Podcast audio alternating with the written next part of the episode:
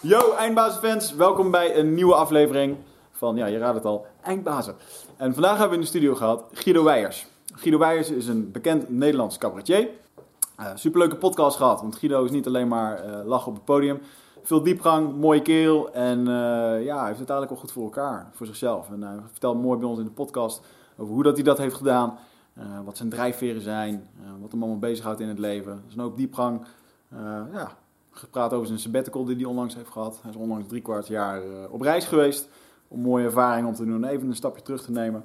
En is nu weer bezig met nieuwe te gekke dingen. Zoals onder andere de show Gabbers in de Ziggo Dome. Die uh, eind juni wordt gedaan.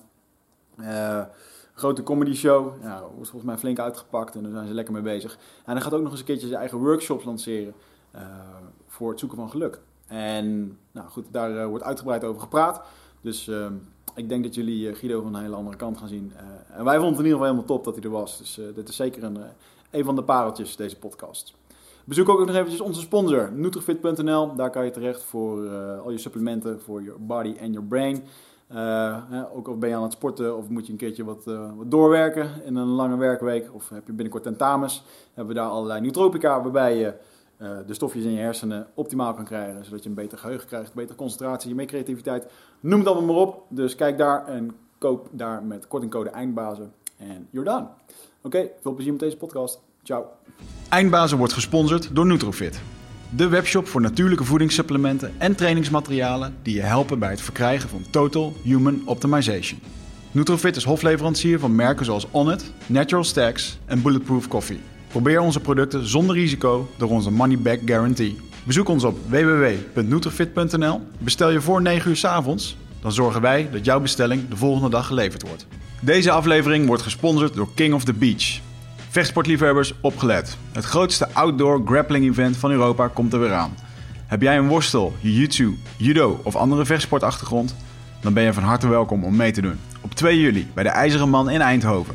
Registreer je voor een early bird prijs via www.kingofthebeach.eu.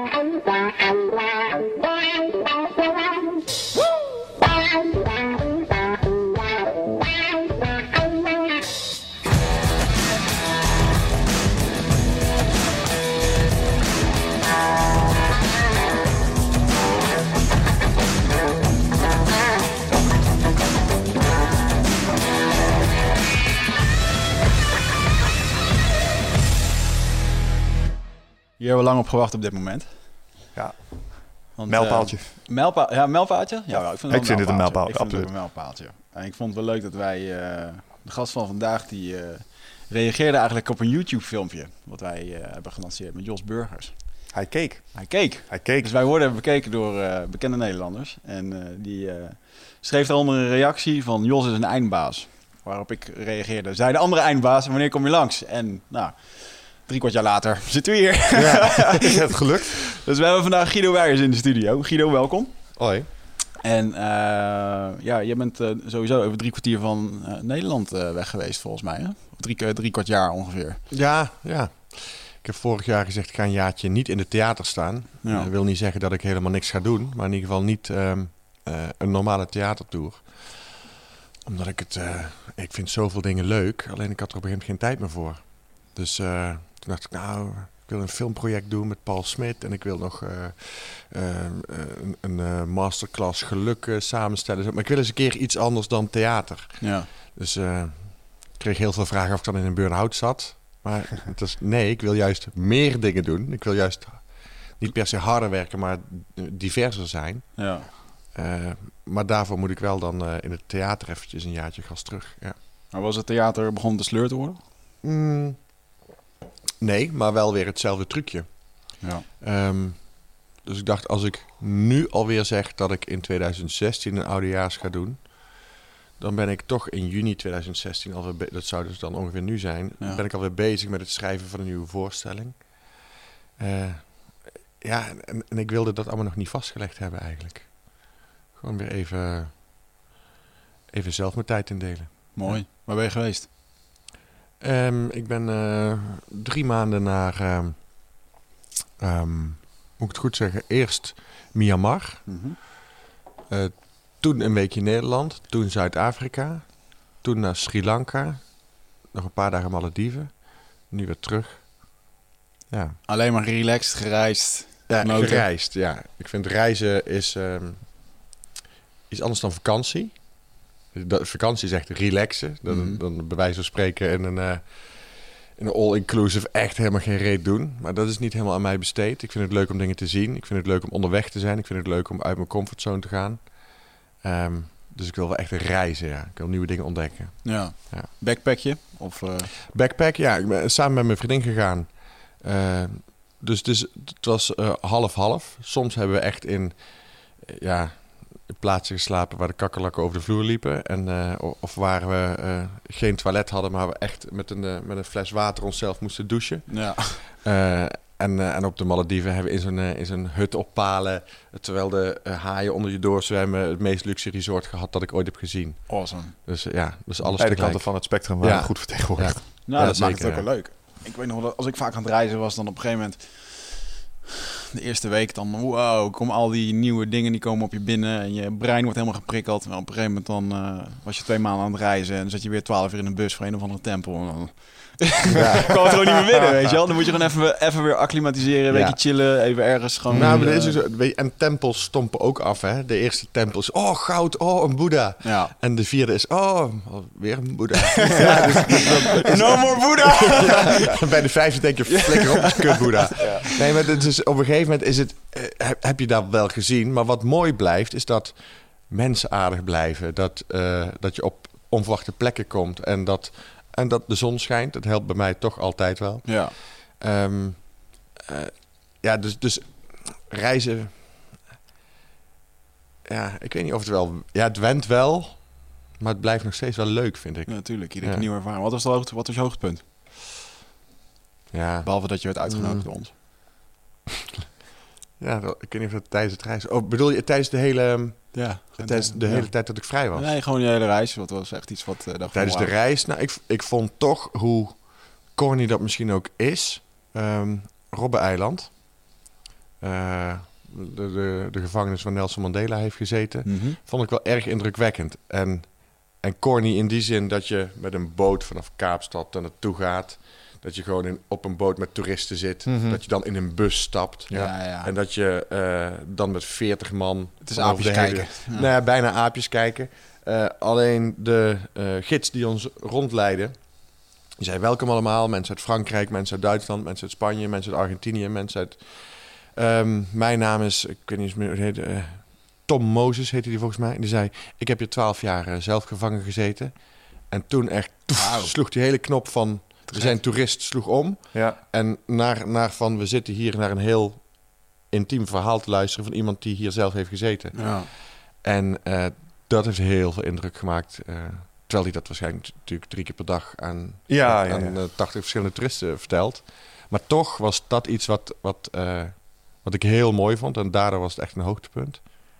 Hij acteerde fantastisch. Wat zei je? Hij acteerde fantastisch. Nee, ja, nou, het, het was... was wel echt.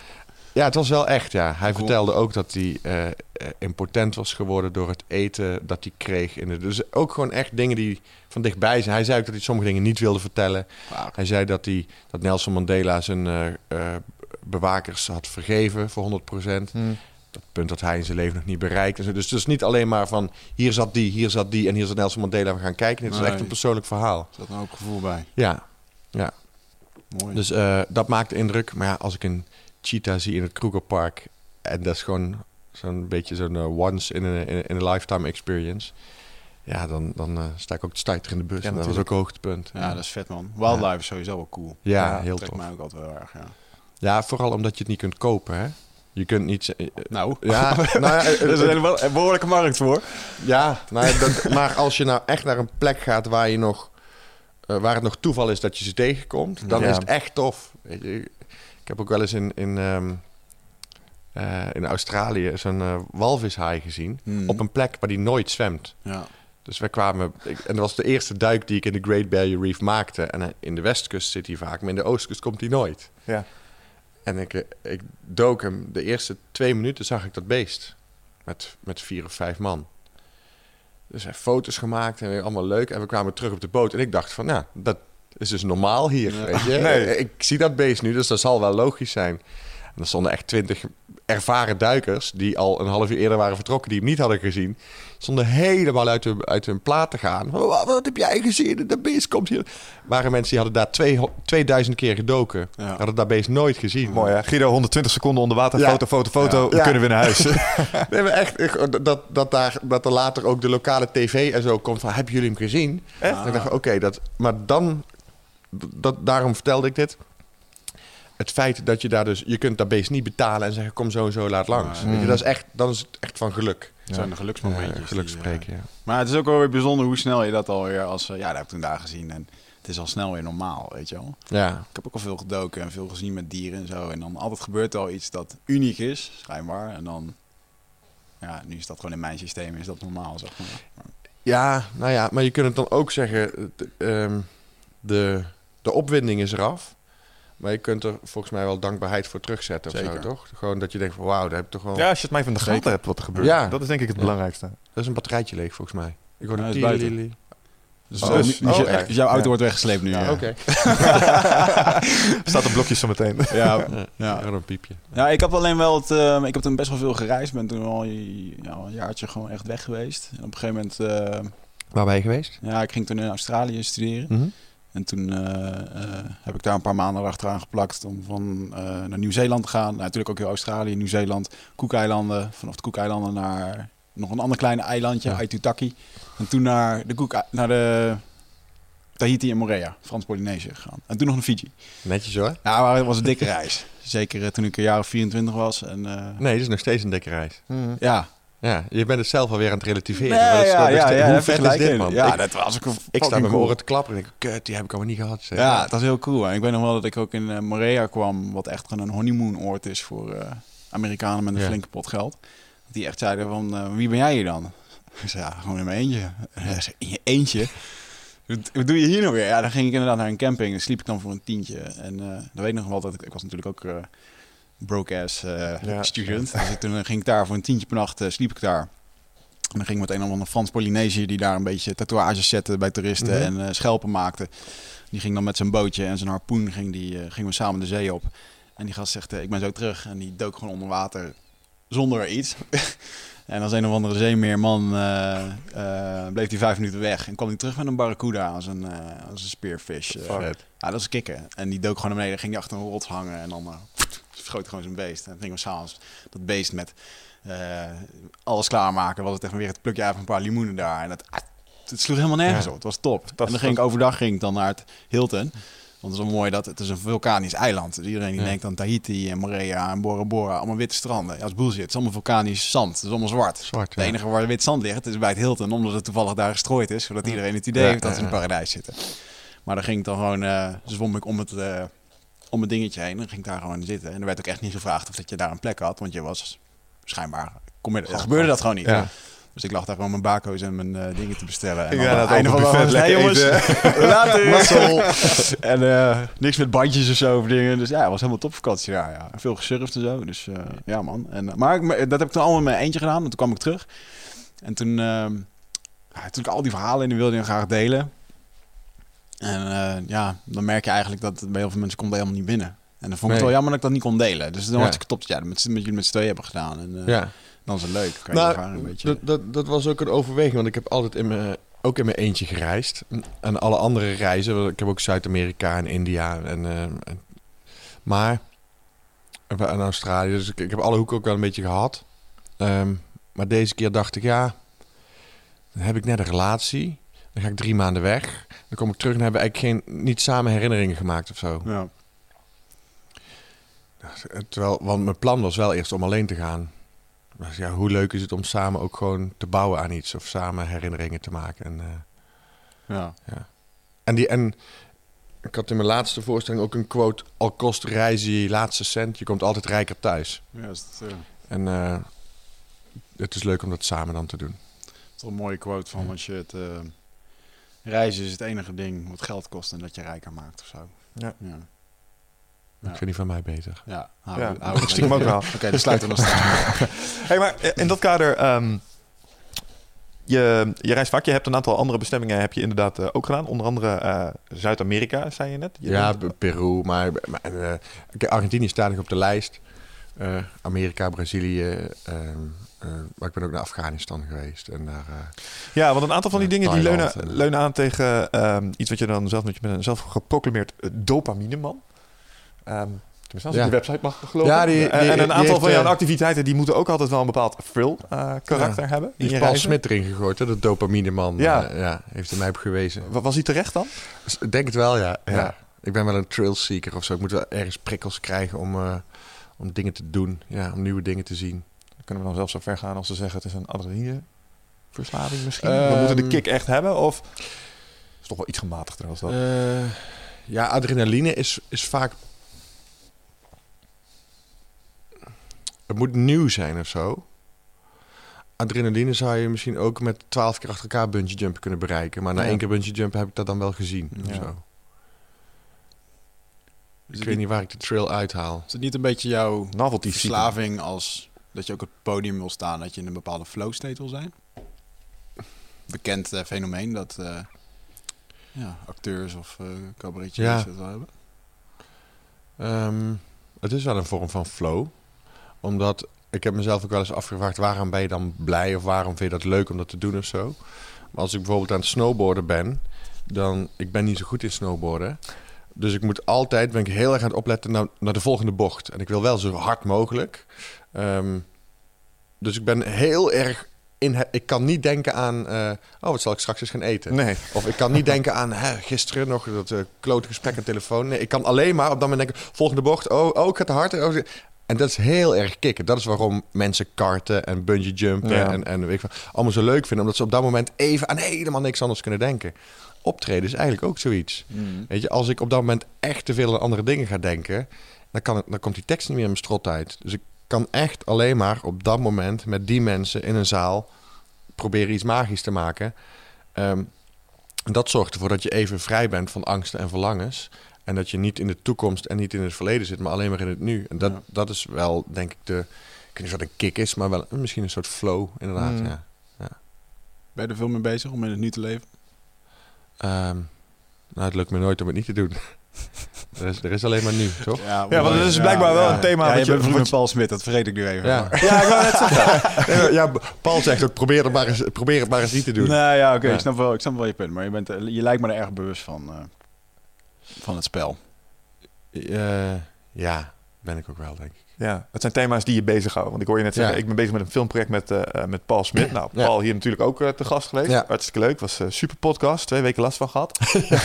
dat zag ik later, ja. Dat, dat je echt zo- zo'n knoop in je hersenen kreeg van, van maar hoe dan? ja, agressief. ja dat, dat je echt in de auto zit en dat je zit na te denken over het concept vrije wil. En, zeg maar, en dan heb je, heb, is er nou wel of geen vrije keuze? En als je de mensen met de hersenscanmachines vraagt, dan is het allemaal kansloos. En dan zijn er weer een andere groep mensen die zeggen, ja, maar het is wel zeker keuze. En, en dan heb je Paul en die vertelt, ja, maar dat is leuk, maar hoezo keuze en hoezo bewustzijn? Het is allemaal rationalisering achteraf. Ja, als Ja. je dat echt even laat binnenkomen. Ja, maar dat kan inderdaad je hele denken op, je kop zet, op zijn kop zetten. Maar je kunt daarnaast toch nog steeds, nog steeds vertrouwen op je eigen gevoel. Oh ja. En wat je zelf waarneemt. Dan denk je, ja, het zou best kunnen zijn dat ik geen vrije wil heb. Maar als ik hem wel ervaar, Who cares? who cares? Ja, nou is en? Ja. Ja, maar ik probeer, het, ik probeer het concept dan verstandelijk te snappen. En ik geloof dat het, het, het hele kunstje is. Het is niet zozeer verstandelijk te snappen. En daar, nee. daar loopt mijn hoofd Ja. dan zo af en toe zich een beetje op stuk. En daar heb ik een tijdje last van gehad, ja.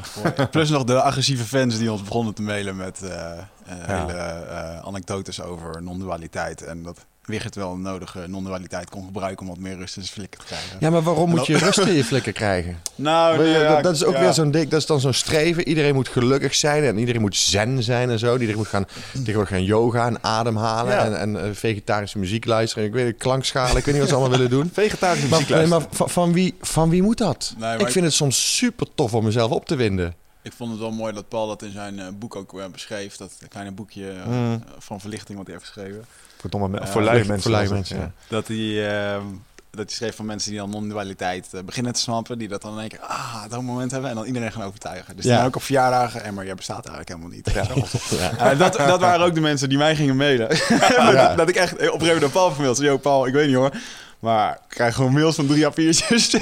en dan Ja, dus- ook van, ja, dat hoort er wel een beetje bij. Dus dat was echt een... In, in, in dat, in dat Mooi. eh, gedoe over gelukkig zijn is er een hele stroming die, ehm, die echt alleen maar de filosofische kant benadert, die niet de wetenschappelijke kant bekijken. Maar die, die hebben op een gegeven moment ook je geen zorgen maken als hoogste doel of zo. Nou ja. Terwijl volgens mij, je kunt ook heel gelukkig zijn terwijl je bewust bent dat je, eh, als ik in de file sta, laat mij maar lekker opwinden. Vind ik heerlijk. Kan ik af en toe een keertje vloeken, kan ik af en toe een keertje gewoon stoom afblazen. Dat is toch ook lekker? Zo af en toe Kan even lekker kwaad zijn. is gewoon Ja. heel prettig. Ja, ja. ja, maar je moet niet, eh, alles is zoals het is, dus je moet niet veroordelen.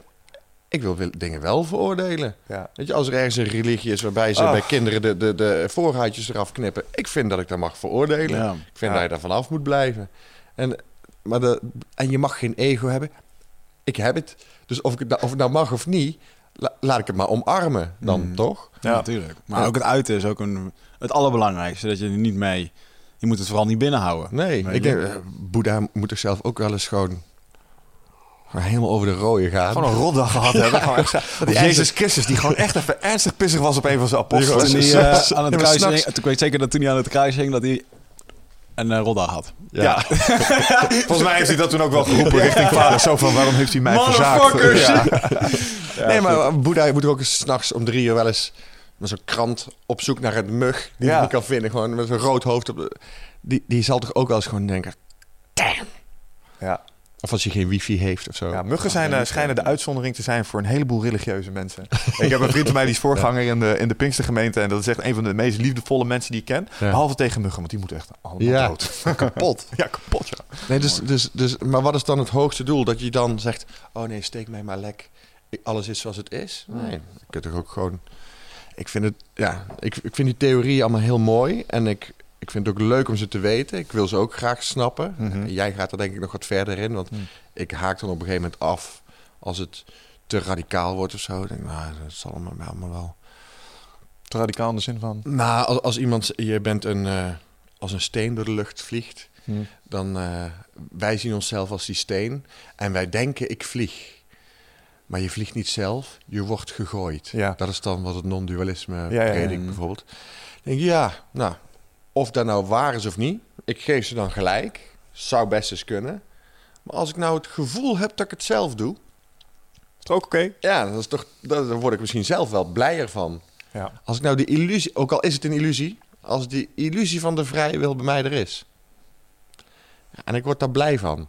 Works for me. Ja, Ja, Dat, dan is dat toch wat het is. Klinkt ook veel Ah, ja. gezonder. Er is ook helemaal geen waarheid. Ik bedoel, je moet gewoon lekker al die dingen pakken en het beste eruit pakken wat voor jou werkt. Ja. En eh, als je daarmee eh, goed voor jezelf bent en voor anderen, dan heb je het volgens mij gedaan. Ja, maar het is inderdaad het is wel een, voor, een onderwerp voor een voorstelling van mensen die dat heel graag willen zijn. Dat is de mooiste fase. Ja. Verlicht willen zijn. Ja, dan heb je dus, eh, dan doe je eigenlijk, dan jaag het alleen maar weg. Want dan ga je Ja, dan ben je, ben je ontzettend iets aan het najagen. Ja. Inderdaad. Maar goed, dat is de leerschool. Ja. Hey, maar eh, over een andere leerschool. Ik zie dat jij een studie vrije tijdsmanagement hebt gedaan. Dat betekent Ja. dat je eigenlijk gewoon heel makkelijk je HBO wilde halen. Klopt. En eh, waar kwam het eh, cabaret en op het podium staan eh, feeling eh, vandaan? Had je dat toen al? Ja, dat had ik al op de HAVO. Daar heb ik een keer ontzettend gebluft. En eh, toen zeiden ze, ja, bij de diploma-uitreiking hebben we elk jaar eindexamen cabaret. Toen zei ik, oh, dan moet je Tom en mij laten doen, want wij hebben het al af. Maar dat hadden we niet. Want toen zei ze, oh, echt? Oh, nou, dan, dan, doen jullie het maar. En toen we met een groepje van twintig man hebben we eindexamen cabaret gedaan. Waarbij Tom en ik eigenlijk een soort, een soort eh, terugkomende pijler waren. En, en eigenlijk degene die echt voor de humor zorgde, zeg maar. En dat ging zo goed dat ik... eh, daarna ging ik eerst nog een jaar maatschappelijk werk en CMV studeren. Dus, een culturele en maatschappelijke vorming. En, werkstudie. Zou- Ger, Wat wil je dan gaan doen? Ja, wat leer je daar? Wat- Wil jij daar met mensen gaan praten die problemen hadden? Ja, en nou, ik, dacht eh, toen van, ik vind ehm, eh, psychologie, filosofie, sociologie vind ik wel interessante vakken. En dan kom je al vrij snel eh, op de sociale faculteit terecht. Ja. Dus dacht ik, nou, dat lijkt me wel interessant. Ehm, en toen kwam ik op die studie terecht en toen moest ik mezelf voorstellen in de klas. Toen zei ik, nou, mijn naam is Guido Weijers. Ik doe regelmatig aan, ik ben cabaretier. Treed regelmatig op. En, eh, maar ik had drie keer opgetreden tijdens die diploma-uitreiking. Maar ja, dat zorgde er wel voor dat ik twee weken later eh, de eerste studentenvereniging eh, voor mijn neus had. Die zei, jij bent toch cabaretier? Ja, je. Ja, ja, ja. We hebben over twee weken weer nodig. Zo, dat is goed. Hoe lang moet het duren? Ja, een uurtje. Ik zei, ja, dat is goed. Ik had nog helemaal niks. Dus toen snel weer mijn maatje Dus je moest in twee weken tijd een uur materiaal... Ja, dus ik snel, Tom, Tom, we moeten over twee weken een uur hebben. Uiteindelijk zijn we met eh 40 minuten het podium opgegaan. En de 20 minuten ter plekke erbij verzonnen. En, eh, en dat was fuck. echt... eh, nou ja, nou, natural, maar wel eh, zo, van tevoren natuurlijk. Van je weet niet wat het gaat doen. En toen was ik... eh, dit was in 1996 of zo. Ja, begin 96. En, en dat ging zo leuk. Dus het, het werd allemaal bevestigd wat we hoopten. Ja. Maar hoe werken En, die eh, laatste 20 minuten dan? Sta, zit ik me nu af te vragen. Zeg. Want je hebt niks. En je gaat Nee. er staan en je gaat maar gewoon... Ja, we hadden een flip over. En, en eh, het ging ook alleen maar over seks, volgens mij. En we hadden één liedje van Marco Borsato. Waarom nou jij? En hadden we er een beetje flauwe tekst op gedaan. Ik dacht, ah, dan doen we dat ook nog wel. En zo. Maar dat, welke volgorde zijn, hadden we nog helemaal niet bedacht. Het ging gewoon. En, een beetje de, en dan gaan we de zaal inlopen. Want dat hadden we dan gezien dat andere cabaretiers het ook deden. En dan gaan we gewoon met mensen praten. En dan gaan we ze voor lul zetten. Ja, dan- dan- Cheap tricks. ah, ja, de- Het was bij eh Creas in Arnhem, een studentenvereniging. En eh 80 man in een kroegje. Ze zaten echt zo, onder tegen de... Een heel klein kroegje zaten echt zo onder tegen de bar geplakt... omdat ze er verder niet naar binnen konden. Wel leuk. En eh, ja, ze hadden nog nooit zo'n hoge bieromzet gehad... dus de avond was geslaagd. Dat meen je, joh. Wat hoor. En was dat het eerste... ja, Leon, Zanders, Leon van der Zanden noemde dat mooi... ja, de, de lege kroegjes. Ja, zat ik net aan te denken. Dit Ja. klonk niet als een leeg kroegje. Nee, het was een nee. afgeladen Dat- kroegje. Ja, goed. Studentenkroegjes is waar het begon. En eh, eh, hoe heb je dat toen verder opgepakt? Ben je toen op een gegeven moment... eh, wanneer word je voor de eerste keer geboekt? Ja, Na toen dat ging van- ik daarna naar... Toen ben ik... eh, want ik vond het een iets te... Iets te softe opleiding voor mij. Ehm, dus ik, ik paste daar gewoon niet. Ik was, na een jaar was ik de enige die niet huilend de klas was uitgelopen. Hm. Ehm, En dat zegt iets natuurlijk. ja, nou, mijn probleem... Ik kom je zo bij, zie je? Denkbeeldig Ja, dat is die Boeddha. Oké, het is officieel. Hij ziet vliegen. Universe is testing you. Karma, kom maar, kom maar. Ehm, eh, wat was ik aan het vertellen? Die... eh, Dat je niet huilend de klas was uitgelopen. Nee, en toen, dus toen zei de, die, eh, mijn mentor zei aan het eind van het jaar... Ja, Guido, we hebben al het idee dat jij het hele jaar een masker op hebt. En toen dacht ik, volgens mij ben ik juist de enige die misschien vroeger geen probleem heeft gehad... die gewoon een gelukkige jeugd heeft gehad, dus die vrijuit kan praten. Dat was mijn eh, overtuiging. Ja. En zij dachten, ja, hij laat niet achter van zijn tong zien. Dus ik, ik paste daar gewoon niet, klaar. Je was niet beschadigd genoeg. Nee, en als je... eh, nee, zo zou je het bijna k- Ja. kunnen zeggen. Nu krijg je daar straks heel veel brieven van mensen die die opleiding hebben Ja, gedaan. nou, het terug als je ja. meer problemen hebt gehad, jongen. We gaan het straks nog hebben over vegetariër zijn. Dus daar kunnen er nog misschien nog wel eens een paar bij komen. Ja. Zou dat het doel zijn? Zoveel mogelijk mailtjes krijgen. Haatmail, deze- ja. Ah, je hebt wel die Amerikaanse, eh, de, waar wij de podcast eh, een beetje van nagehaapt hebben. Joe Rogan. Ik bedoel, dat eh, schuiven we niet onder stoelen of banken. Daar hebben we het gewoon van. Mhm. En die deed het ook op deze manier. En die heeft dan natuurlijk Amerikaans publiek. En als die over eh, feminisme Ja. of vegetariërs begint, Ja. of vegans. En dan gaat, heeft hij dan echt van die rants over. Dan Ja. hij is gewoon een jager, rood vlees. Weet je wel? Man, man, man. Dan ontploft Twitter, jongen. Dat is echt gigantisch. Mooi is dat. Zeker in Amerika, waar iedereen helemaal light sensitive is voor. Ja. Nou, kijk, maar het, het is, er zijn natuurlijk altijd uitzonderingen. Maar bij die opleiding maatschappelijk werk eh, merkte ik wel dat het... Dat je moet natuurlijk eerst je eigen shit verwerkt hebben voordat je andere mensen kunt helpen. Ja. Dus het eerste jaar gaan ze ook echt porren in wat is er in je eigen jeugd gebeurd. En Mm. eh, ja. Ja, ik, ik geloofde toen al niet zo in, in Freud en, en al die... Ik denk, ja, het is allemaal een beetje achterhaald. Maar ja, je moest het wel leren. Dus, Mhm. dus ik, ja. Goed, het was in ieder geval eh, not my cup of tea. Dus toen ben ik toerisme gaan studeren in Breda. Gewoon iets commerciëler. En, eh, en toen dacht ik, na één jaar dacht ik... hmm, ik wil eigenlijk toch gewoon het podium op. Ik wil toch gewoon... Inderdaad, dat jij zegt, op een makkelijkere manier mijn hbo halen.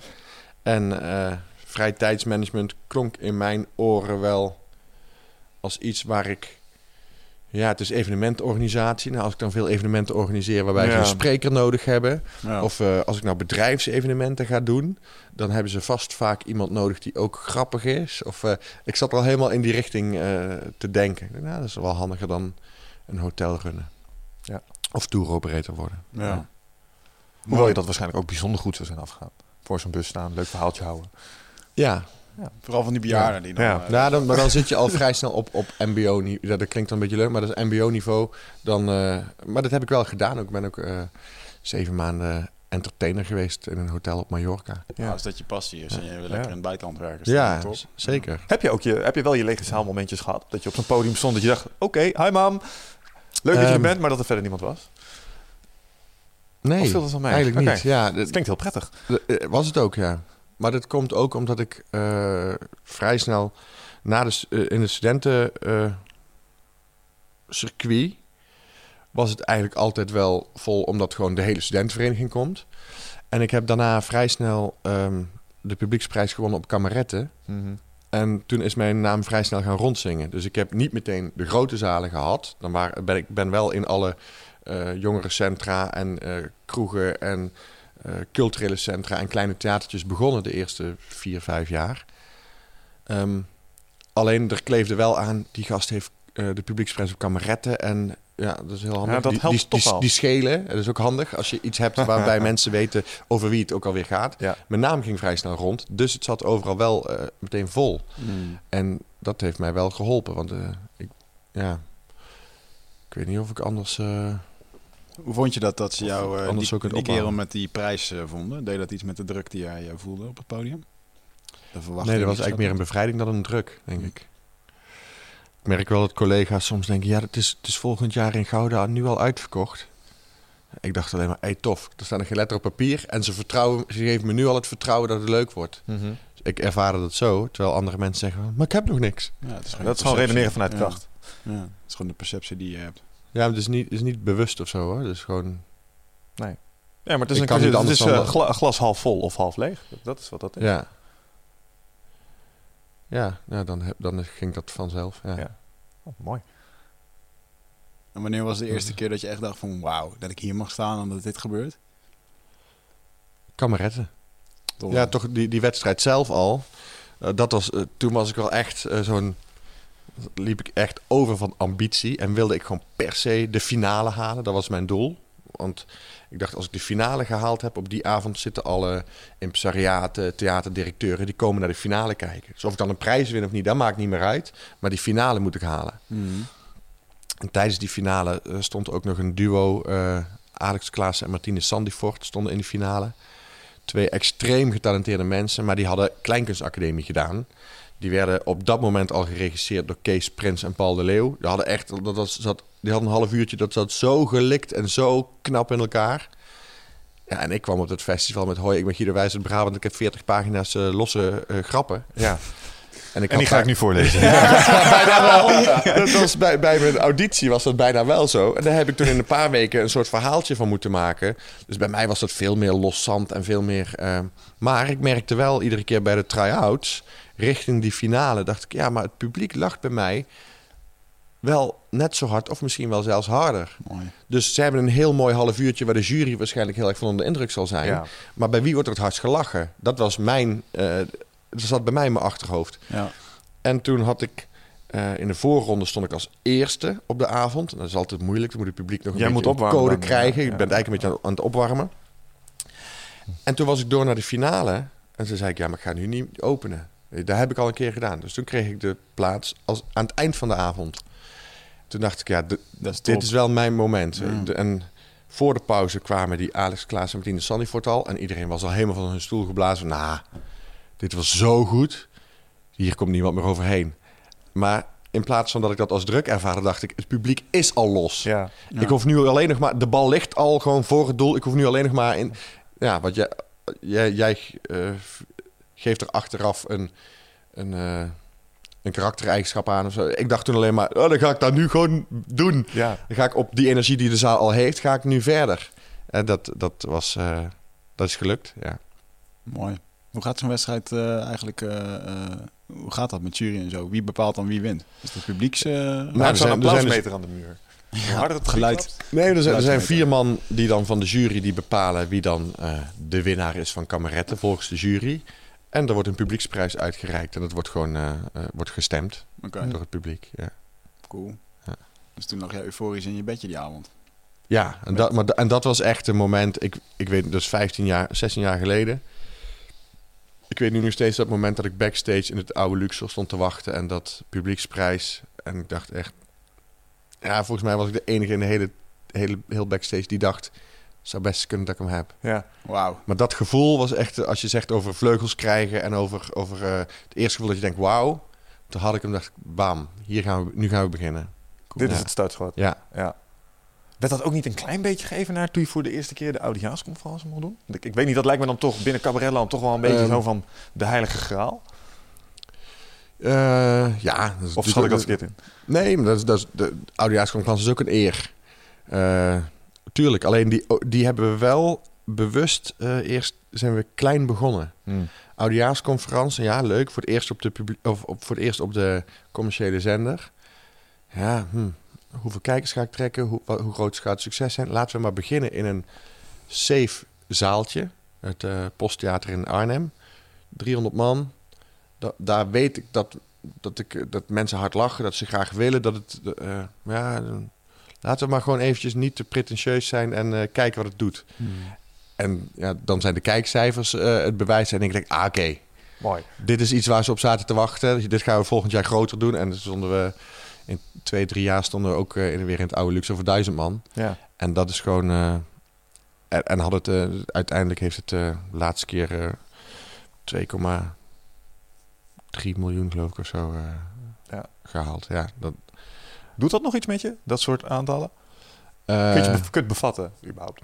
nee, Nee, hè? dat is één groep, hè? Ja. Dus het. Ja, werkt dat ook zo in je hoofd? Ik heb één keer in een theater op een podium mogen staan. Wat ik met name nog weet is dat je echt helemaal niks van de zaal ziet.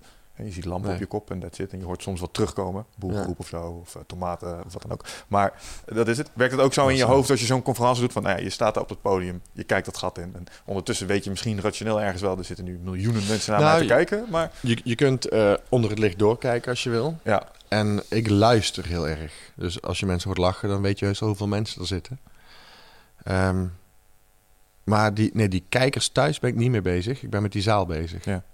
Oké. Want het is een heel simpel... eh, ik kan alleen maar die zaal zo goed mogelijk vermaken. En als die hard lacht, dan is het daarna aan de mensen van de televisie... om het zo mooi mogelijk in beeld te brengen. En te laten horen dat die mensen hard lachen. Mhm. Maar dat is out of my hands. Weet je, ik kan alleen maar die avond. Zo, eh, kunnen we, met- moeten we samen een feestje bouwen. Ja. En hoeveel mensen er dan naar kijken, dat heb ik niet in de hand. Ik kan altijd ergens eh, een vliegtuig neerstorten. Of, of een koning doodgaan. Of een, Ja. eh, en dan heb ik geen kijkers. Ja.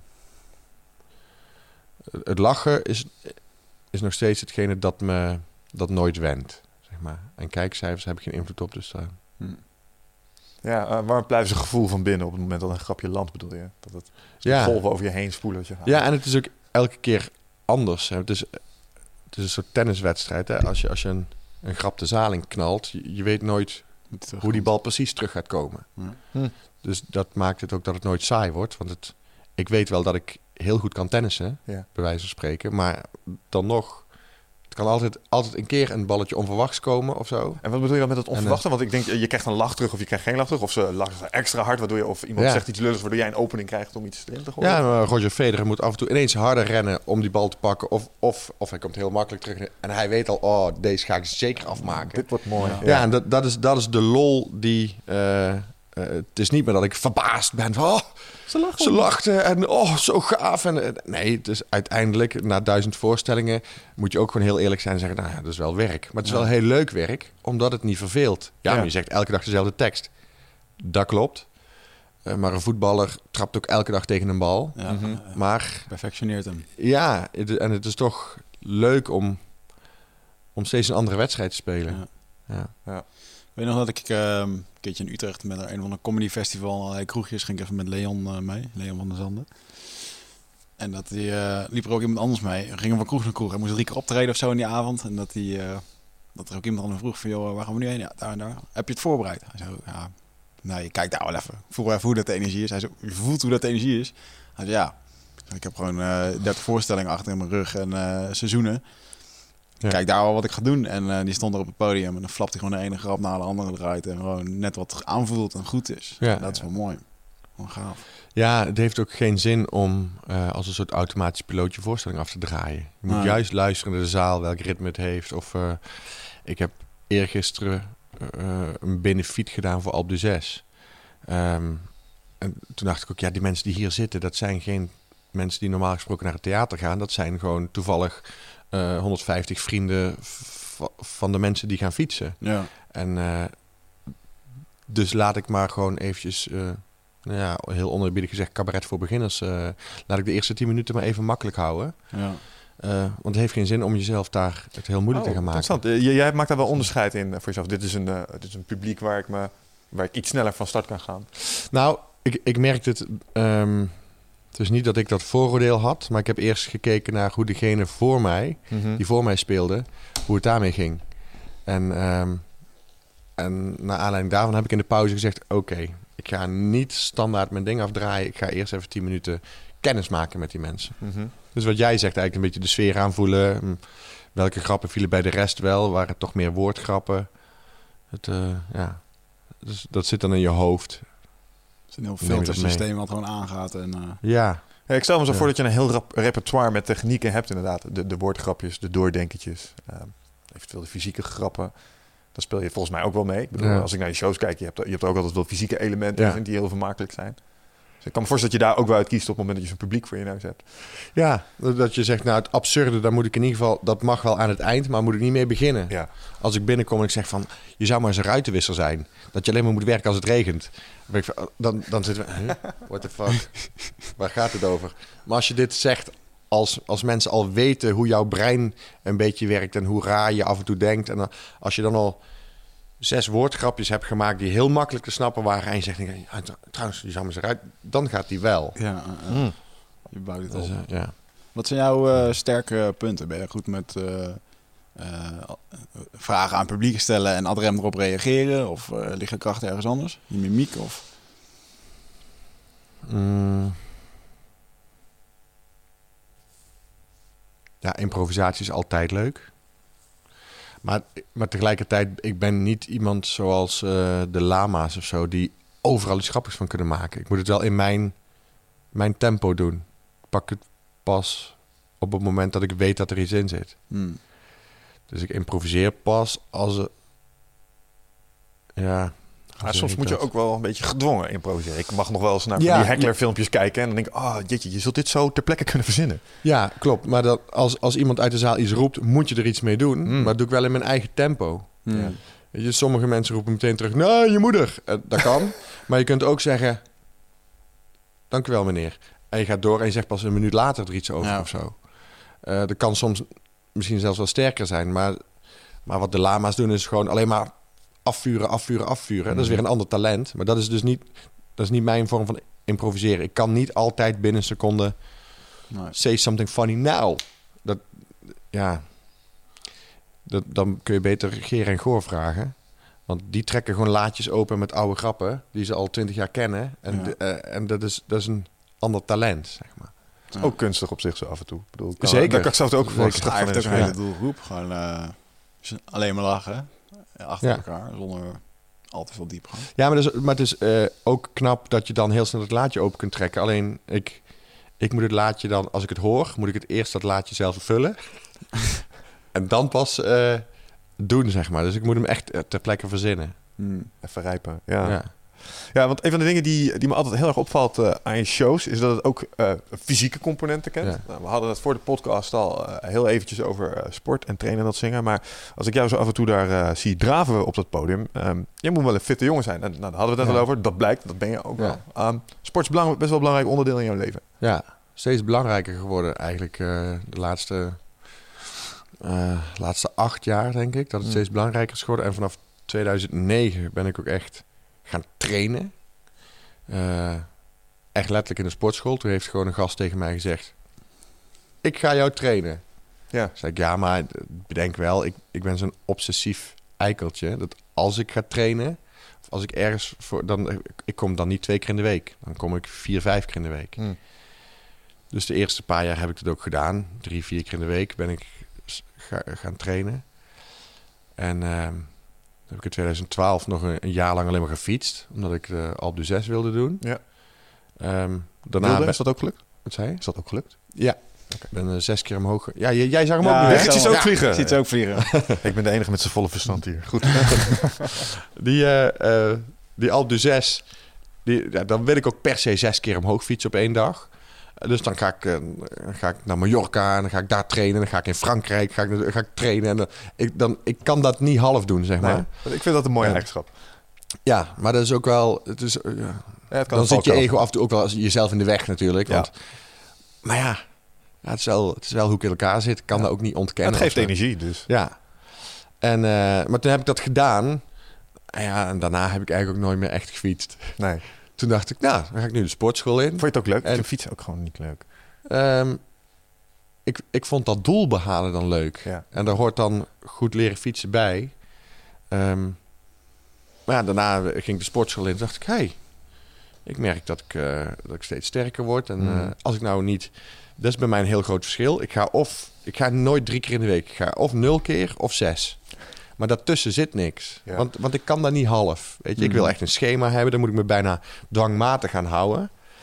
Ehm, dus sinds een jaar of vier, vijf eh, doe ik vijf, zes keer in de week eh, krachttraining. Mhm. En hoe lang eh, voordat je echt op die manier aan het trainen was, was je ook al cabaret aan het doen zonder? En waar ik heen wil is, merk je nou nog dat je nu je bent gaan trainen, dat bijvoorbeeld dat, dat cabaretwerk, dat mentale werk, dat je dat ook makkelijker is gaan afgaan? Nee. Nee, helemaal niet. Nee, ja, dat, dat zou, zou ik wel. Ik, ik ben wel fysiek wel. eh, fysiek ben ik juist op het podium minder gaan doen. Hm. Want toen ik eh 15 jaar geleden begon, stond ik echt te springen en te rennen en te zweten en te. Dansen. En sinds de oudejaarsconferences ben ik iets meer een mening erin gaan stoppen. Mhm. Vind ik dat iets belangrijker worden. Maar, en dat heeft puur alleen met leeftijd te maken. Dat ik denk, nou, ja, nu vind ik er ook iets van. Of eh, dit vind ik belangrijk om te zeggen. Dus het fysieke neemt juist eerder af. Ehm, maar als, als ik je vraag goed begrijp... Het is niet zozeer dat ik fysiek sterker sta... maar ik heb wel het idee dat ik meer in mijn kracht sta. Hm. Ehm, Ja, heeft het iets met je zelfvertrouwen gedaan? Een van de dingen die Doordat we zeiden toen je, toen je binnenkwam lopen van, nou, Ja. flinke jongen geworden. ja. Beste Ehm. schouders, beste armen. Ja, dat, eh dankjewel. Graag gedaan. Ik heb wel geleerd dat je, als het een compliment was, dan moet je hem ontvangen. Hij is er een kaart aan het versieren hoor. Wat zei je? Hij is er een kaart aan I'm het coming versieren. to you right now. Nee. Dan moet ik heel eerlijk zeggen ik niet zoveel weet van jullie liefdesleven. Dus ik, eh, ik geloof alles tot nu toe. Dat is wel goed. Ja. Nou, hij is niet jaloers Ja. aangelegd, dus het mag. Ah, Nee. Ja. Ja, slaap jullie lepeltje, lepeltje. Ik ben de kleine lepel. Ja? Ja. Deze podcast is eh, de grootste podcast in de gay community van Nederland. Dus, eh, Volledig terecht. Zit hier alleen maar knappe mannen. Goed. dus nu, Ehm, nu hebben we naast, over? Ja, naast vegetariërs krijgen we nu ook de gay community over ons heen. Nee joh. Die vinden het toch hartstikke leuk om jullie te kijken. ik, ga, Waarschijnlijk wel. ik ga er blind vanuit. En, en aan mij hoop ik ook een ook. beetje. Ik denk Ja, het wel. Ja. ze zijn welkom. Maar ehm, even terug naar het, eh, eh, naar het trainen. Ik ben dan eigenlijk wel benieuwd eh, naar, ehm, eh, naar wat je doet in de gym. Het is voor mij een soort ja, vakdeformatie. Ik vind tra- zelf trainen ook Ja. leuk. Ik doe er ook wel wat mee. Wat Ja. doe je als je in de gym staat? Je had een personal trainer, hoorde ik. Ja. En die deed slimme dingen. Ehm, ja, dan moet ik zeggen dat ik toen ik eh 15, 16 was, heb ik ook echt al een, denk anderhalf jaar lang, vijf, zes keer in de week getraind. Dus ik, ik had nog heel veel oude theorieën. Dat je zoveel mogelijk koolhydraten moet eten om groot te worden. Oh, oké. Dat is een goeie. Dat was in eh 1994, 93 denk ik, was dat de theorie. Klopt. Eh, Spaghetti eten. ja, Veel spaghetti, je pannenkoeken en met muesli en ja. bananen. En, ehm, en nu eh, er weten natuurlijk, eh, zijn er heel veel andere theorieën. Dat het allemaal om eiwitten draait en, en eh, dat soort dingen. Ja. Dus maar wat ik, ja, wat wil je precies weten? Nou, wat je doet als je in de sportschool staat. Ben je aan het deadliften? Ben je cardio aan het doen? Ben je echt nee, gewoon- echt puur krachtsport. Ja. Ja. En dan vind ik wel dat ik... Ik heb laatst zo'n boksballetje gekocht. Zo'n, eh, zo'n, zo'n klein leuk. waar je s- snel... uh, Stiekem best moeilijk, hè? Dat is heel moeilijk. Ja. Ja. en ik heb het ook nog... ik heb er vier dagen over gedaan om dat ding überhaupt op te hangen. Ah. Dus dat, dat was al... dat, dacht ik, ah nee, dan hang ik wel even op. Maar toen bleek dat ik gipsplaten had. Ja, dan moet, Ja. moet niet een ding... één stoemp lag dat ding er weer af. Ja, dus dan Ja. moet je eigenlijk eh, echt wel beter doen. Dus dan heb ik allemaal... Nou, ben zes keer terug geweest naar de bouwmarkt... om de goede schroeven en de goede... Hoe heet zo'n ding? Zo, nou, pluggen die dan... eh, dat. Ja, dan moet je hem eerst op een plaat doen en dan pas tegen de muur. Ja, Ja. oké. Nou, verkoop me maar zo'n plaat. Dus maar de- zo'n dingetje heb ik dan gekocht om en, en zo'n bokzak om iets meer eh, conditie te Ja, houden. Leuk. Eh, ik, heb, ik moet toch echt weer terug de fiets op en hardlopen ben ik weer mee begonnen. Omdat eh, als ik dat niet doe, ik heb, eh, dat hebben we in de familie allemaal wel. Eh, mijn broer zit al snel aan de 100 kilo, mijn peetoom. ze, ze- allemaal, als die niks doen, Ja. dan wordt het dit, zeg maar. Ja. En ik vind het wel leuk om groter te worden, maar het moet niet dat Je worden. wil graag droog zijn. Ja, ja droog lukt mij, dus dat, die aanleg heb ik niet. Nee. Maar dan, moet, dan zou ik echt... eh, Dan moet je weer uh, vetverbranders of zo. Maar dan gaat je hartslag weer zo ver omhoog. je, kan het wel met, je kan het met krachttraining wel doen. Maar hardlopen heeft ook een meditatief voordeel. Dus hardlopen is eigenlijk het enige waarmee ik mezelf wat droger kan trainen. Ja. Fietsen is, duurt te lang. Dan moet je echt vier, vijf uur gaan fietsen, wil het effect gaan hebben. Mm Jij zult precies weten hoe lang dat dan duurt. Maar mij is verteld dat je bij hardlopen na drie kwartier al het punt bereikt dat je echt vet gaat verbranden. Ja. Ja, weet je, wat het probleem vaak is met hardlopen is dat als je het lang klopt, hè, na ongeveer 45 minuten ga je naar, je gaat al wat eerder naar een ander systeem, maar dan ga je lekker verbranden. Um, het ding is alleen als je vaak richting de, het uur, anderhalf uur gaat met trainen, mhm. ehm, dan gaat je lichaam ook cortisol afgeven. En ehm, als je te veel cortisol hebt, dat is het stresshormoon. Dat, is, dat, gaat dan, dat gaat je dan weer een beetje voor de voeten lopen, afhankelijk van je doelstelling. En dat is met dan, trainen of met hardlopen? Met, met hardlopen. Ja, en als je dan wel leuk vindt om, om te rennen, um, dan, dan zeg ik van, nou, maar waarom doe je dan niet iets meer sprintjes ertussendoor? Ja, Want dan wordt de intensiteit anders. Um, word je wel iets anabolen, maar je bent nog steeds aan het hardlopen. Als dat is wat je leuk vindt. Ja. Dus, uh, en voor een boel mensen is dat een hele fijne optie, omdat je er geen materiaal voor nodig hebt. Dus, dus dat snap ik allemaal wel. Dus, zo. Ja. Hmm. Hey, maar dat brengt me ook even bij een, eh, bij een ander ding, namelijk het eten.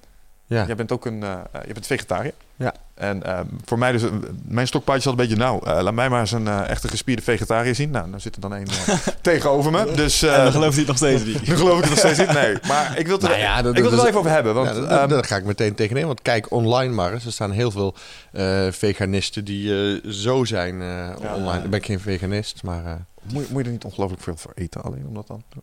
Is jouw calorieën, zeg maar, intake, is dat niet lastig om aan te komen nee, de dag? Eh, als je, er zijn echt producten die... Um, dat is echt allemaal achterhaalde theorie, denk ik. Uh, als je nu kijkt naar wat de vegetarische slager aanbiedt, mm -hmm. die heeft uh, een nepkip. Het heet ook gewoon kipstukjes, maar dan met de CK, geloof ik. Dat is nepkip. Er zit 21 gram eiwitten in. In een normale kip zit 19 gram eiwitten per 100 gram. Dus, uh, dus de vegetarische kip is eiwitrijker eiwit als de echte kip? Nou, zal, als je nog verder gaat kijken, zal het best zijn dat dierlijke eiwitten misschien sneller worden opgenomen. Of, dat, dat, mm. Zover duik ik dan niet in de theorie. Um, maar dan heb je dus al een goede vervanger te pakken. Mm, ja. um, en, uh, en als jij kwark eet, dat is, er is uh, één kwark die ik ken, volgens mij zit hij op 10 10, zoveel procent eiwitten wat erin mm zit of zo. Um, ehm, 0% vet. Dus je, je kunt ook als vegetariër, als je niet veganist bent, want dan wordt het wel, wel denk ik, echt moeilijker. Als je geen zuivel mag eten, denk ik dat je het een stuk zwaarder krijgt. Maar dan kun je echt heel veel eh, vervangers. Uh, er, is eigenlijk geen reden meer om nog vlees te eten. waarom ben jij zo'n. Uh, waarom ben jij op een gegeven moment vegetariër geworden? Omdat ik uh, principieel niet wil bijdragen aan de zieke bier-industrie. Ja. ja is eigenlijk een heel. Ik, ik vind de, de manier waarop wij met dieren omgaan, eh, die is totaal uit balans. Hmm. En uh, wat jij straks zei, uh, er was een gast ergens in de Fiji-eilanden of waar je was, uh, die duikt, duikt ergens onder zee en die komt terug met een vis. Dat is, dat is, dat is, een natuurlijke vorm van aan je eten komen. Ja.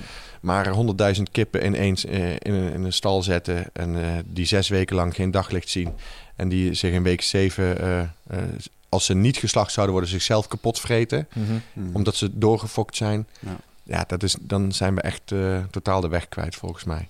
Dus nu heb ik ooit gedacht, nou, ik wil daar geen onderdeel van zijn. Dus ik doe daar niet aan mee. Ja, nou ja, het, het raakt wel een worsteling waar ik me zit. Wicht en ik hebben, de, hebben dit gesprek ook eens gehad. Laatst kwam hij met uh, Cowspiracy uh, aanzetten. Mhm. Kijk, ik vind vlees super lekker. Maar ik begin ook in toenemende mate, zeg maar... Uh, druk te ervaren of me, me schuldig te voelen over de carbon footprint die het ook laat. Kijk, als er 12, 1200 of 12.000 liter voor een hamburger nodig zijn, dan denk ik dat je als rationeel mens echt wel even achter je oren moet krabben. En hoe meer dat soort gegevens mijn hoofd in uh, ja, sijpelen, hoe meer ik tot de conclusie kom, hey, ik moet er echt wel uh, iets mee gaan doen. We zijn al minder vlees gaan eten. Um, Iets wat ik dan altijd wel een interessant onderwerp vind. Stel je nou toch eens voor, hè? we krijgen iets als kweekvlees. Dus je kunt een steek uit een lap halen. Zou je dan weer vlees gaan eten? Uh, misschien wel. Ja? Ja. ja. Want uh, het gaat mij echt puur om de, om de. dat ik het als mens niet kan verantwoorden. Ik kan niet verantwoorden waarom we ergens een. iets moeten opsluiten. Het is echt een product geworden. Het, is mhm. geen, het gaat niet meer om een. Dat beest zou niet bestaan als wij geen vlees zouden eten. Want dan zou het namelijk gewoon niet gefokt worden. Mhm.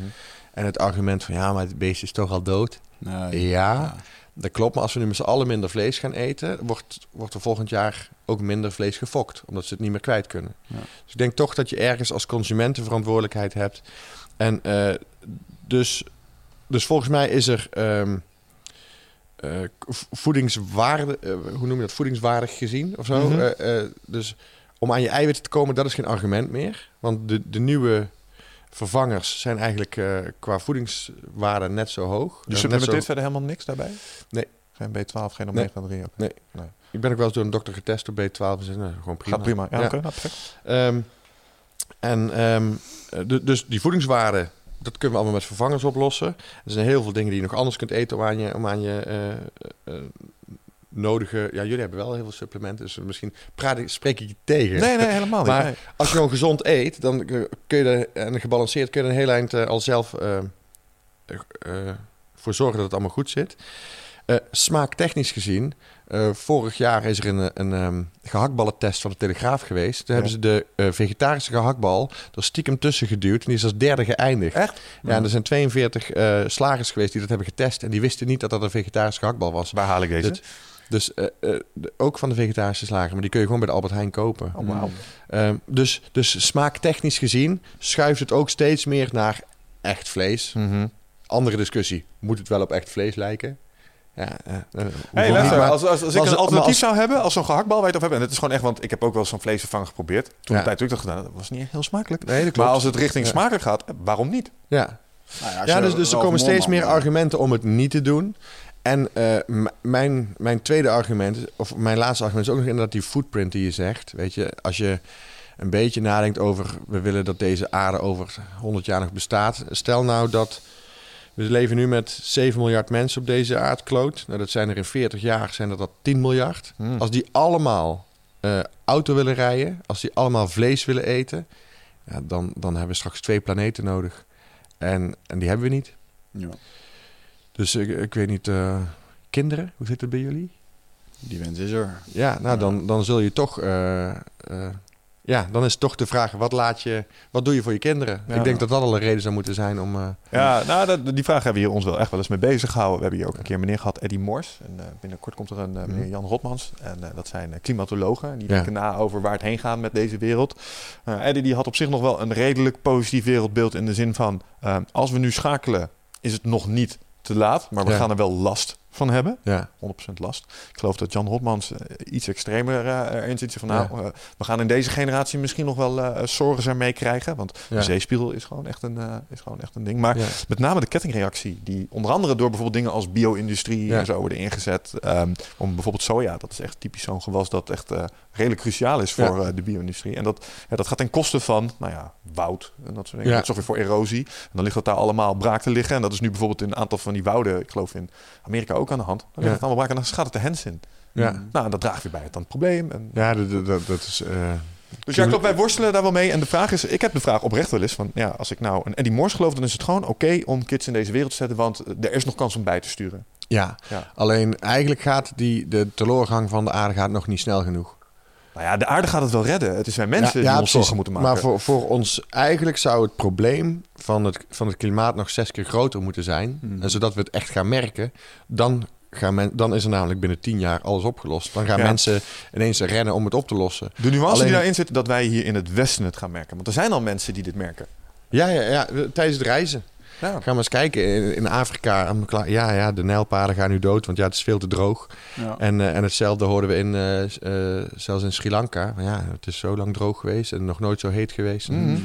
En, dan, en daar gaat dan ook letterlijk eh, tussen, tussen 12 en 6 geen water en geen elektriciteit. Evenals jouw Ja. Mauritius, waar jij bent geweest. Dat gaat Ik hoorde laatst dat ze in sommige gebieden van het Midden-Oosten verwachten dat het daar nu binnen nu een tien jaar dat het op sommige plekken 50 tot 60 graden zal zijn. Ja. Over- overdag. Serieus? De- ja, serieus. Of ik noem net Mauritius, maar Malediven was je geweest, toch? Malediven, ja. Ja, dat gaat ook echt gewoon... Is al aan het verdwijnen. Ja, Ja, en- de, de Seychellen eh, toch? Die zijn zo langzamerhand aan het, eh, Ja, ja, aan het verzinken. Ja, en het Ja. koraal eh, eh, verbleekt nu omdat het water te warm wordt. Maar dat is dan... Dat is ook wel vaker gebeurd. Er zijn ook wel natuurlijke eh, processen die om de 30 of 40 of 50 jaar terugkomen. Dus niet Mm. per se dat het nu is, maar als het... Ik heb laatst een, een, mooie podcast, ge- of een podcast, een mooie YouTube-filmpje gezien van Dan Gilbert. Eh, Would Tomorrow Be Better of Will Tomorrow Be Better? Eh, en hij zegt, ja, het gaat niet hard genoeg. De, eh, de, de, het klimaatprobleem, we zien het niet. We Ja. zijn die kikker in die, eh, in die pan water die heel langzaam wordt opgewarmd. Dus daarom springen we er niet uit. Dan denk je, oh, ja, is nog wel warm. ja. Maar als je een kikker in één keer in een, in een pan heet water gooit, dan springt hij er wel uit. Maar als je hem langzaam kookt, dan niet. Hij zegt, als wij, ehm, als er een vliegtuig twee torens in vliegt, dan, dan zijn we binnen een week zijn wij in Bagdad om, of, of in Irak om, om Ja. terug te slaan. Ja. Ehm, maar, want dan hebben we één gezamenlijke vijand. Dan is iedereen het erover eens dat er ons iets wordt aangedaan wat we niet verdienen. En dan wil de hele wereld ineens in actie komen. Maar zo'n zo'n sluipmoordenaar, Mhm. Hè, die eigenlijk nog voor veel meer slachtoffers gaat zorgen. Ja, Ja. die zien wij niet aankomen, dus dat vinden we allemaal prima. Het grote probleem daar is de, is de economische verstrengeling. Want om, om er nu echt heel eh, radicaal iets aan te doen, ga je een heleboel mensen ook moeten aantasten in hun ervaren welvaart. Ja. En dat is het grote probleem, denk ik. En ik denk dat wij daar het probleem hebben dat wij eigenlijk een soort van geëvalueerd zijn om eh, ja, te overleven in het wild. Dus er zitten allemaal Ja. van die originele systemen in die je met name belonen om zoveel mogelijk te vergaren. Ja. En Dat is dan een omgeving waar daar geen rem op lijkt te zitten. Dus dat wordt gewoon niet begrensd. Ja, en het is ook gewoon eh, dat voor jezelf zorgen is ook logisch. Want je, je, het is ook bijna onmogelijk om het grote geheel te zien. We zijn, Ja. niet, we zijn niet geprogrammeerd om eh, de hele aarde te redden. We zijn geprogrammeerd om ons gezin te onderhouden. Ja, en toch schijnt dat wij mensen wel eh, het in ons hebben om dat inzicht te kunnen krijgen. En ehm, dat is een reden waarom eh, wij zijn echt heel erg op zoek om André Kuipers hier eens een keer Mhm. te krijgen. En een van de redenen waarom is omdat ik eens met iemand wil praten die zelf fysiek het oversight effect heeft ervaren. En dat is dat fenomeen dat als je de ruimte in wordt geschoten en je hangt boven die planeet, dat er een soort gevoel over je heen komt van, maar we zijn allemaal één. Ja, ik heb dat gedaan. Je hebt in de... Ik heb gesproken met Wubbe Okkels. Oké, ja. Ja. En eh, nou ja, hij, hij omschreef dat ook op die manier. Ja, de, sterker nog, zijn hele, hij heeft altijd presentaties gegeven nadat hij in de, in de ruimte is geweest. Eh, en hij heeft een slogan: eh, We're all astronauts of planet Earth. Hmm. Hij eh, had het verhaal van, eh, dat was in 1986 of zo, weet ik niet. Heb je Google? Ergens toen, eh, toen hij de ruimte in is gegaan. Ehm, hij zag ergens een wereldbolletje en hij dacht... Ja, nee, ik, ik heb het in een oudejaarsconferentie gezegd. Ik moet even goed zeggen. Ik keek naar buiten door het raam en toen zei mijn vader... Ja, daar is ergens, we hebben okkels nu. eh. Mhm. En toen dacht ik, oh, dus die zitten dan in een heel klein ruimteschipje. En die moeten er alles aan doen om dat ruimteschip heel goed te onderhouden. Want het vriest daar boven zoveel eh, 100, of eh, 100 graden onder nul of hoeveel. eh, Ja. weet ik. Dus al, als er een klein gaatje in dat dingetje, eh, in dat ijzer komt, dan bevriezen ze. Dan hebben ze geen zuurstof meer. Dan gaat alles naar de kloten, dan gaan ze dood. Hmm. Dus die doen alles erom om dat ruimteschip helemaal goed te onderhouden. En op dat moment kijkt Wubbe Okkels richting de aarde. En die denkt, oh, er is een heel klein, klein kwetsbaar blauw bolletje dat daar in de ruimte zweeft.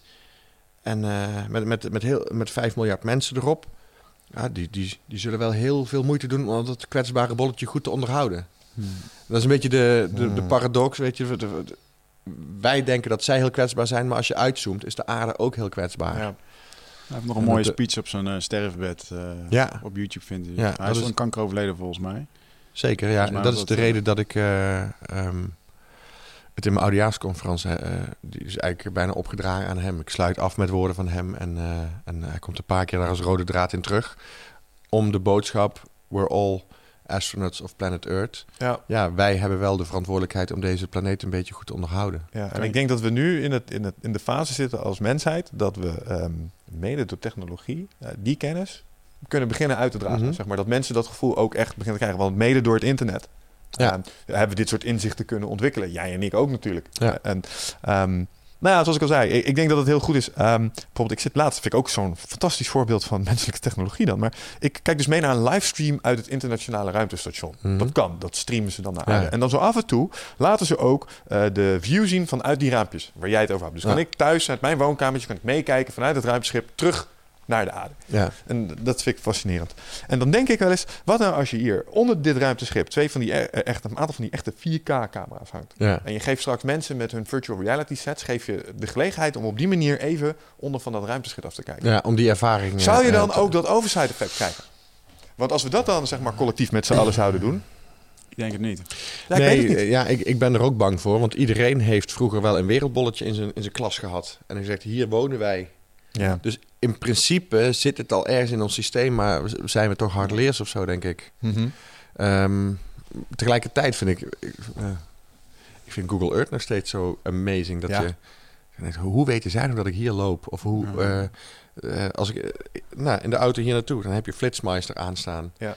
En die weet precies waar ik rij, die weet hoe hard ik rij. Hmm. Waar, en, dat, en dat weet hij allemaal omdat er daar eh, op zoveel kilometer hoogte iets wordt teruggestuurd. Wat mij continu in de gaten houdt. En die weet gewoon hoe hard ik nu rij. Ja. Dus het gaat binnen een seconde, toek, toek. En weet hij hoe hard ik... Ja, Ja. snap ik geen reet van. Nee. Nee, maar, Kan dat eigenlijk, nou? maar eigenlijk is dat nog helemaal niet zo geavanceerd. Als je kijkt van wat er gewoon, waarom jij überhaupt hier zit en waarom je leeft en wat er allemaal gebeurt. Ja, Dat is veel geavanceerder, Ja, oké. vind ik. Maar dat... Dat En toch is wat en de jouw- technologisch... Jouw, Ja. jouw beeld over van waarom zou dat resoneren, zo'n beeld? Ja, ik denk het niet. Want als jij een eh Fear and Loading Las Vegas krijgt, krijg je een beetje een... eh, als je die film kijkt, dan krijg je een beetje een inzicht over wat een psychedelische trip is. Maar echt niet dat jij dan de ervaring hebt Nee, over wat dat dat, snap dan ik. zou zijn. Maar met dat ik dat gezegd heb, eh, dan meteen de wedervraag. Heb je wel eens zo'n virtual reality setje op gehad? Heb je wel eens een Ja, ik heb Oculus Rift op je kop gehad? Ja, ik heb in de ding is best wel echt. namelijk. Ja, ja, Ja, ik heb in die achtbaan gezeten. Ja, maar dan moet nog steeds het besef... Kijk, dan denk je gewoon, wauw, de aarde. Maar dan moet nog steeds het besef komen... dat je zelf invloed zou kunnen hebben. Hoe klein die invloed ook is. Ja, maar dat is juist dat nou, overside effect waar ik zo naar dat je ik denk invloed dat- hebben. Je hebt een verantwoordelijkheid. Ja. Dat is het gewoon. Het is ook die isolatie waar je dan in zit. Dan ga jij daar, als jij lekker drie dagen in de natuur gaat zitten, Ga je er ook anders over Vision? Quest, ga je er ook anders over denken. Ja, dat Ja. is wel waar. En als jij in die ruimte zit, helemaal afgezonderd, en je kan het lekker even nadenken, je hebt niemand om tegen te praten, dus tegen wie ga je dan praten? Jezelf. Dan kom je in één keer tot ja. het inzicht van, oh fuck. En dan denk ik, kijk je dat en dan komt dat besef. Denk ik dat denk je niet, ja, oké, maar ik denk dat je wel een verkeerd beeld hebt van het gemiddelde leven van een astronaut. Die zit niet uren voor zijn ruitje zeg maar, naar buiten te turen, een beetje over nou, de wereld denk na ik te dat je denken. daar ook wel in frist. Die hebben ook gewoon nou, een veel eenzame tijd. Ze zitten er met z'n zessen op vier Ja, maar dat is niet continu... eh, eh, Ik vind het een mooie discussie. Maar goed, in ieder geval. Maar doe het jij- vaker, ja, het, is- het gaat in ieder geval niet dat als jij die bril op hebt en je zit met die zak popcorn thuis van. Oh, ik zie je. Ja, oké, oké. Oh, hoor je de wereld. En je doet het ding af en vervolgens zet je je porno kanaal aan. En je Ik wou net zeggen, je waarschijnlijk kijk je twee minuten en ga je naar ja, RedTube Dan of heb je zo. niet het effect. Dan heb je een ander effect. Nee, maar even, als je... eh, jij zegt, als je dat... Als je uitzoomt, kun je dat besef hebben. Ja. Als je nou eens helemaal inzoomt en je gaat drie dagen lang in het bos zitten en je neemt niks mee, dan denk je in één keer, oh ja, ik heb die kastanjes gewoon nodig om te overleven. Ja. Ik heb die eikels, die moet ik gewoon inderdaad koken. Dan heb ik vuur nodig, dan heb ik water nodig, dan heb ik... eh, het feit dat je beseft dat je afhankelijk bent van wat moeder aarde je geeft, dat is volgens mij hetgene dat je ertoe aan zou moeten zetten om je verantwoordelijkheid te nemen. Ja. Ja, en, en, en dan klinkt het net alsof ik eh, de wereld wil verbeteren en eh, dat ik denk dat ik alle wijsheid in pacht heb, maar ik ben daar ook totaal inconsequent in. Ja. Ehm, Ja, dat Dus- herken ik wel. Ik zou ook graag willen dat de wereld richting een... eh, we hebben het hier wel eens over gehad met een eh, futuroloog. Eh, die had het over zeg maar, eh, een maakbaar universum. Richting, dat je richting zo'n Star Trek utopie gaat, zeg maar. Ja. Lijkt me fantastisch als dat zou lukken. water Alleen, alsjeblieft. Daarvoor moeten we met z'n allen wel bepaald gedrag ontplooien. Wat ik mezelf inderdaad ook niet, wat je zelf al zegt, consistentie doen. Want Nee. ik weet een aantal van... de- Ja, thee lekker. Ik weet een aantal van deze dingen rationeel prima. Maar het is moeilijk om mezelf daar altijd, op het moment dat je energie laag is of zo, om je daar Ja. aan te houden. Nou ja, en, en je kunt volgens mij ook beter inconsequent goed zijn dan consequent fout. Ja. Ja, dus je, dus je doet wat je kan. Weet je, als iemand zegt, eh, ik, ik heb ook een hekel aan vegetariërs of veganisten die continu overal op elk feestje gaan vertellen waarom het zo is. En je, Ja. je vraagt er nu naar, dus dan krijg je mijn mening. Maar als je er niet naar vraagt en iemand naast me zit vlees te eten, moet hij lekker vlees eten. En dan Ja. hoop ik vooral dat hij er heel erg van geniet. Ja. Dat is dan het enige dat ik nog. eh, eh, Ja, ik kan me voorstellen dat dan op een gegeven moment, als dit een beetje ehm, eh, algemeen ja, geaccepteerd gaat worden, dat het een beetje wordt zoals roken. Hè, eerder mocht je Ja, roken in een restaurant. eten, dat, en daar nou mag je niet meer roken in een restaurant. Want als nou iemand de peuk naast me opsteekt in een restaurant, ga ik er iets van zeggen. Ja, nou, maar ik denk echt dat vlees eten wel het nieuwe roken is. Ja, Maar dat was een tijdje zitten. Zitten was het nieuwe roken. ja. Dat was te veel zitten. ja ik denk dat vlees, vlees eten. Ik denk over twintig jaar zijn er mensen die dan roken alleen of dan eten ze alleen nog maar vlees voor de gezelligheid. Of, Als je het of met dierlijk vlees dan voor de gezelligheid. Ja, Want er zijn oprecht mensen bezig die proberen nu steaks in laboratoria zeg maar, ja. eh, te laten groeien. Dus zonder alle dierlijk leed. Ja. eh, zonder aanzienlijk meer van die nou ja, carbon footprint waar we het over hadden. Ah, dat is fijn. Ja. Sch- Schuldloos. eh, Heb je op je reis dan nog wel een beetje? Want eh, stel nou dat jij wel in zo'n Fiji bent en je kan eh, zo'n barracuda mee eten die vers geschoten is. Heb je dan nog wel de neiging om het eh, te doen? Nee, de laatste keer dat ik dat heb gedaan is eh, denk ik een jaar of zes, zeven geleden of zo. Toen was ik in Miami samen met een vriend van me. Toen gingen we richting Key West. En hij heeft daar in de Everglades of zo, eh, ging die vissen, eh, een of andere vistour. En toen waren we met z'n tweeën op vakantie en toen zei hij van, nou ja, dan gaan we vanavond barbecuen. Ik zei, ja, dat ja, maar als ik die vis nou zelf vang, vind je het dan wel oké? Ja, en in principe had ik op dat moment ook geen, eh, ja, geen verweer. Weet je, als, als ik zeg van, als het, als het in balans is en het komt niet uit de bio-industrie en... eh, dus dan heb ik gewoon, ja, natuurlijk, als, je, als jij vandaag een vis vangt, dan gaan we die vanavond barbecuen. Maar ik moet zeggen dat ik ook de smaak daarvan, ja, dat maak je me niet per se heel blij mee. Dus het is voor mij ook gewoon een Ja. simpele manier om iets te kunnen doen. Of zo. ja, je smaak zal er ook ongetwijfeld aan wennen. Ik bedoel, je kunt vegetarisch ook volgens mij bijzonder smakelijk eten. Dus, Ja. Hey eindbaas en dankjewel dat je zit te luisteren naar deze podcast. Ik onderbreek hem eventjes voor een hele belangrijke boodschap. Of misschien liever gezegd een uitnodiging. Want op 24, 25 en 26 mei, dan is er weer een nieuwe editie van Ride of Passage. Dat is mijn retreat voor persoonlijke ontwikkeling. En speciaal voor de mensen die op zoek zijn naar, ja, naar helderheid. Of dat ze lastig bij hun gevoel kunnen komen. Dat ze moeilijke beslissingen moeten maken. En dat ze zo ontzettend in hun hoofd zitten ja, dat ze er eigenlijk gewoon niet meer goed uitkomen. Of dat ze misschien al heel lang in een, ja, een soort van oud gevoel zitten. Dat ze dat gevoel willen transformeren. Of misschien wil je gewoon een oud stuk achter je laten. Ergens een punt achter zetten. En ja, zoek je misschien heling op iets wat, wat je te lang hebt weggeduwd of, of hebt vermeden. Daarvoor wil ik je uitnodigen op 24, 25 en 26 mei om in een retreat mee te doen waar de inhoud van het programma geheim is. Waar de belofte is dat het oncomfortabel wordt. Want jij begrijpt als geen ander dat als je die volgende stap wilt maken, ja, dan zul je uit de comfortzone moeten komen. En ik garandeer je, laat mij dat proces begeleiden met jou voor drie dagen. En je leven zal daarna nooit meer hetzelfde zijn. Gemiddeld beoordelen de deelnemers het met een 9,2. En daar ben ik ontzettend trots op. Er is ook een money back guarantee. Heb je de drie dagen vol, volbracht en vind je het niks, krijg je gewoon je geld terug. Dus het enige risico wat er is, is dat je gelukkiger kan worden. Ik zie je op Bride of Passage. Ga naar wichertmeerman.nl en klik op Retreat. Wat zijn je favoriete gerechten in dat opzicht trouwens? Gewoon even klein Eh Thais. Thuis. Ja. De Thaise keuken is echt fantastisch. Met, eh, als, zodra dat citroengras en kokosmelk en, eh, weet Ja. ik veel, en al die verschillende geuren en Ook pittig. smaken in zitten. Ja, ik hou wel van pittig. Ja. Ja. Is Zo lekker, man. Ja, is ook goed voor je maag. Ja. Pittig eten. Ja? Ja, ja. Waarom? Ja, het schijnt een bepaalde stress eh, eh, te genereren in je maag, waardoor er weer eh, stoffen vrijkomen. En nou, ja, het scherpe eten schijnt ook brandend iets te doen. Het, het, het maakt schoon. Ah. is mij eens uitgelegd. Ja, het maakt schoon om- omdat je er ontzettend Ja, misschien omdat het ook vervolgens ja, aan de achterkant vervolgens de boel even openzet. Ja, dat kan ik me levendig voorstellen. Nee, Hey, eh, ehm, Thais eten, ja, heerlijk. Ja. Je had het net even over ehm, de wereld niet willen verbeteren. Ehm, Ja. Of moet ik dat wel willen? Heb je er niet van weerhouden om toch een, een leuk eh, en inspirerend praatje bij TEDx te mogen geven over Ja. geluk? ja. Ehm, dus misschien dat je wel iets van een missie voelt om daar toch iets in bij te dragen in deze wereld, wat ook heel mooi is. Ja, nou, ik, ik- het, is, het is leuk om te doen wat je zelf leuk vindt. En als mensen ernaar willen luisteren, is het fijn. Ja. Ehm, maar ik... Kijk, op, het, eh, op de wereld zal het geen invloed hebben. Maar je kunt misschien wel het leven van mensen een beetje aangenamer maken of zo. En het Hmm. is ook, wat ik net probeerde te zeggen, is... Ik zeg niet dat ik de wereld verbeter... Eh, of ik vind niet dat mensen per se als drijfveer moeten hebben... ik wil de wereld verbeteren. Maar de drijfveer zou eigenlijk moeten zijn... ik neem mijn verantwoordelijkheid. Dus als je... ehm, Ownership. ja, Ja. eh, ook, ook al denk ik dat één vegetariër verandert niet de wereld... maar voor mezelf neem ik wel de verantwoordelijkheid... van ik draag in ieder geval niet bij aan de bio-industrie. Mhm. En als heel veel mensen dat doen...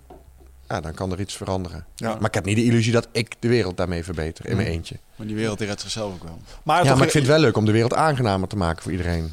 Ja, maar toch eh, draag je wel bij. Want je hebt met die TED Talk heb je, heb je alweer op een of andere manier bijgedragen. Want ik heb er naar geluisterd. En eh, een van de dingen die mij er met name uitbeven. Ik zou jullie vragen, vertel dat hier vooral nog eens even. Was de analogie die je trok met in een heet bad gaan zitten. Ja. Die, die was heel sterk voor mij. Ik dacht van ja, gewoon gelijk.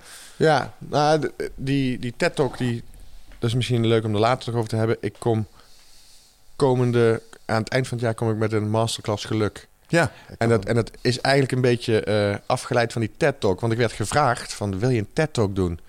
Ja, dus, ja nou, dat vind ik wel tof. Dan krijg je 20 minuten. Oké. En, tof. en nee, maar dat, dat snapte ik wel. Van, dat is altijd eh, zo kort, hè. En toen, toen dacht ik, ja, maar als ik echt iets kan in het Engels moet gaan doen... Ja, dan moet ik wel even over nadenken wat ik dan aan... Dus echt zo'n shout-out to the world of zo. Ja. Ehm, ja, wat wil ik de wereld dan meegeven? En dat kan ik natuurlijk altijd mezelf afvragen als ik een voorstelling maak. Alleen toen ik gevraagd werd voor TED, dacht ik... Wel, was het ineens veel intenser of zo. Van ja, Ja. als ik... Dan moet ik nu zeggen wat ik ook echt vind. Of Dit wat is ik wel jouw momentje dan even. Ja, toen dacht ik, nou ja, wat vind ik dan interessant? Of waar denk ik, wat, wat is een onderwerp dat dicht bij mij ligt? Ja, in al mijn voorstellingen heb ik wel kleine filosofietjes over geluk. Ehm, ja, misschien Nou, omdat Paul Smit is een goede vriend van mij. Die zit ook altijd een beetje in de spirituele hoek dan Mhm. over geluk. Ja, dat is wel een onderwerp waar ik het dus over moet hebben. En, eh, en een van die theorieën is inderdaad in, in, dat, in, die, in, die, in dat kwartiertje of twintig minuten. Dat als mensen denken altijd dat, dat iets hun blijvend gelukkig maakt of zo. Als je in een bubbelbad stapt, dan denk je... Ah, lekker. Oh, heerlijk heet. En na vijf minuten denk je... Nou, het mag best iets heter. Dus dan ga je of heet water erbij gooien... of je gaat in een ander bubbelbad wat nog heter is. Maar uiteindelijk eh, wordt dat, eh, stopt, stopt het moment van bevrediging een keer. Op een gegeven moment is het niet meer genoeg. Je wil altijd meer en meer en meer. Ja, en zo werkt het ook bij, eh, bij kortstondige momenten van geluk. Ja. Op het moment dat jij gaat skiën, denk je, wauw, gaaf. Of, of je bereikt een bepaalde snelheid met, eh, noem maar iets, bungee jumpen. Maar ja, als die snelheid op een gegeven moment niet meer toeneemt... Ja. Ja, het voorbeeld wat je in je praatje wil gebruiken, wat mij wel relevant was van ja, dan heb je een leuke auto. Dan denk je, ja, als ik die auto maar heb, dan, Ja. eh, dan is het allemaal goed. Als ik deze heb, dan is het perfect. En dan heb je hem en dan rijden twee maanden en denk je, ja, dat is toch wel geinig. Maar uh, Nou, er is kan nog je- een paar dingen. Kan je zelfs ook teleurstellen, een week. Een week. Een week ben je ongeveer vrij van angst, eh, van, eh, van een nieuw verlangen. Want je, ja, je hebt al alles wat je wilde hebben, namelijk die auto. Ja. Dat, verder wil je eigenlijk helemaal niks.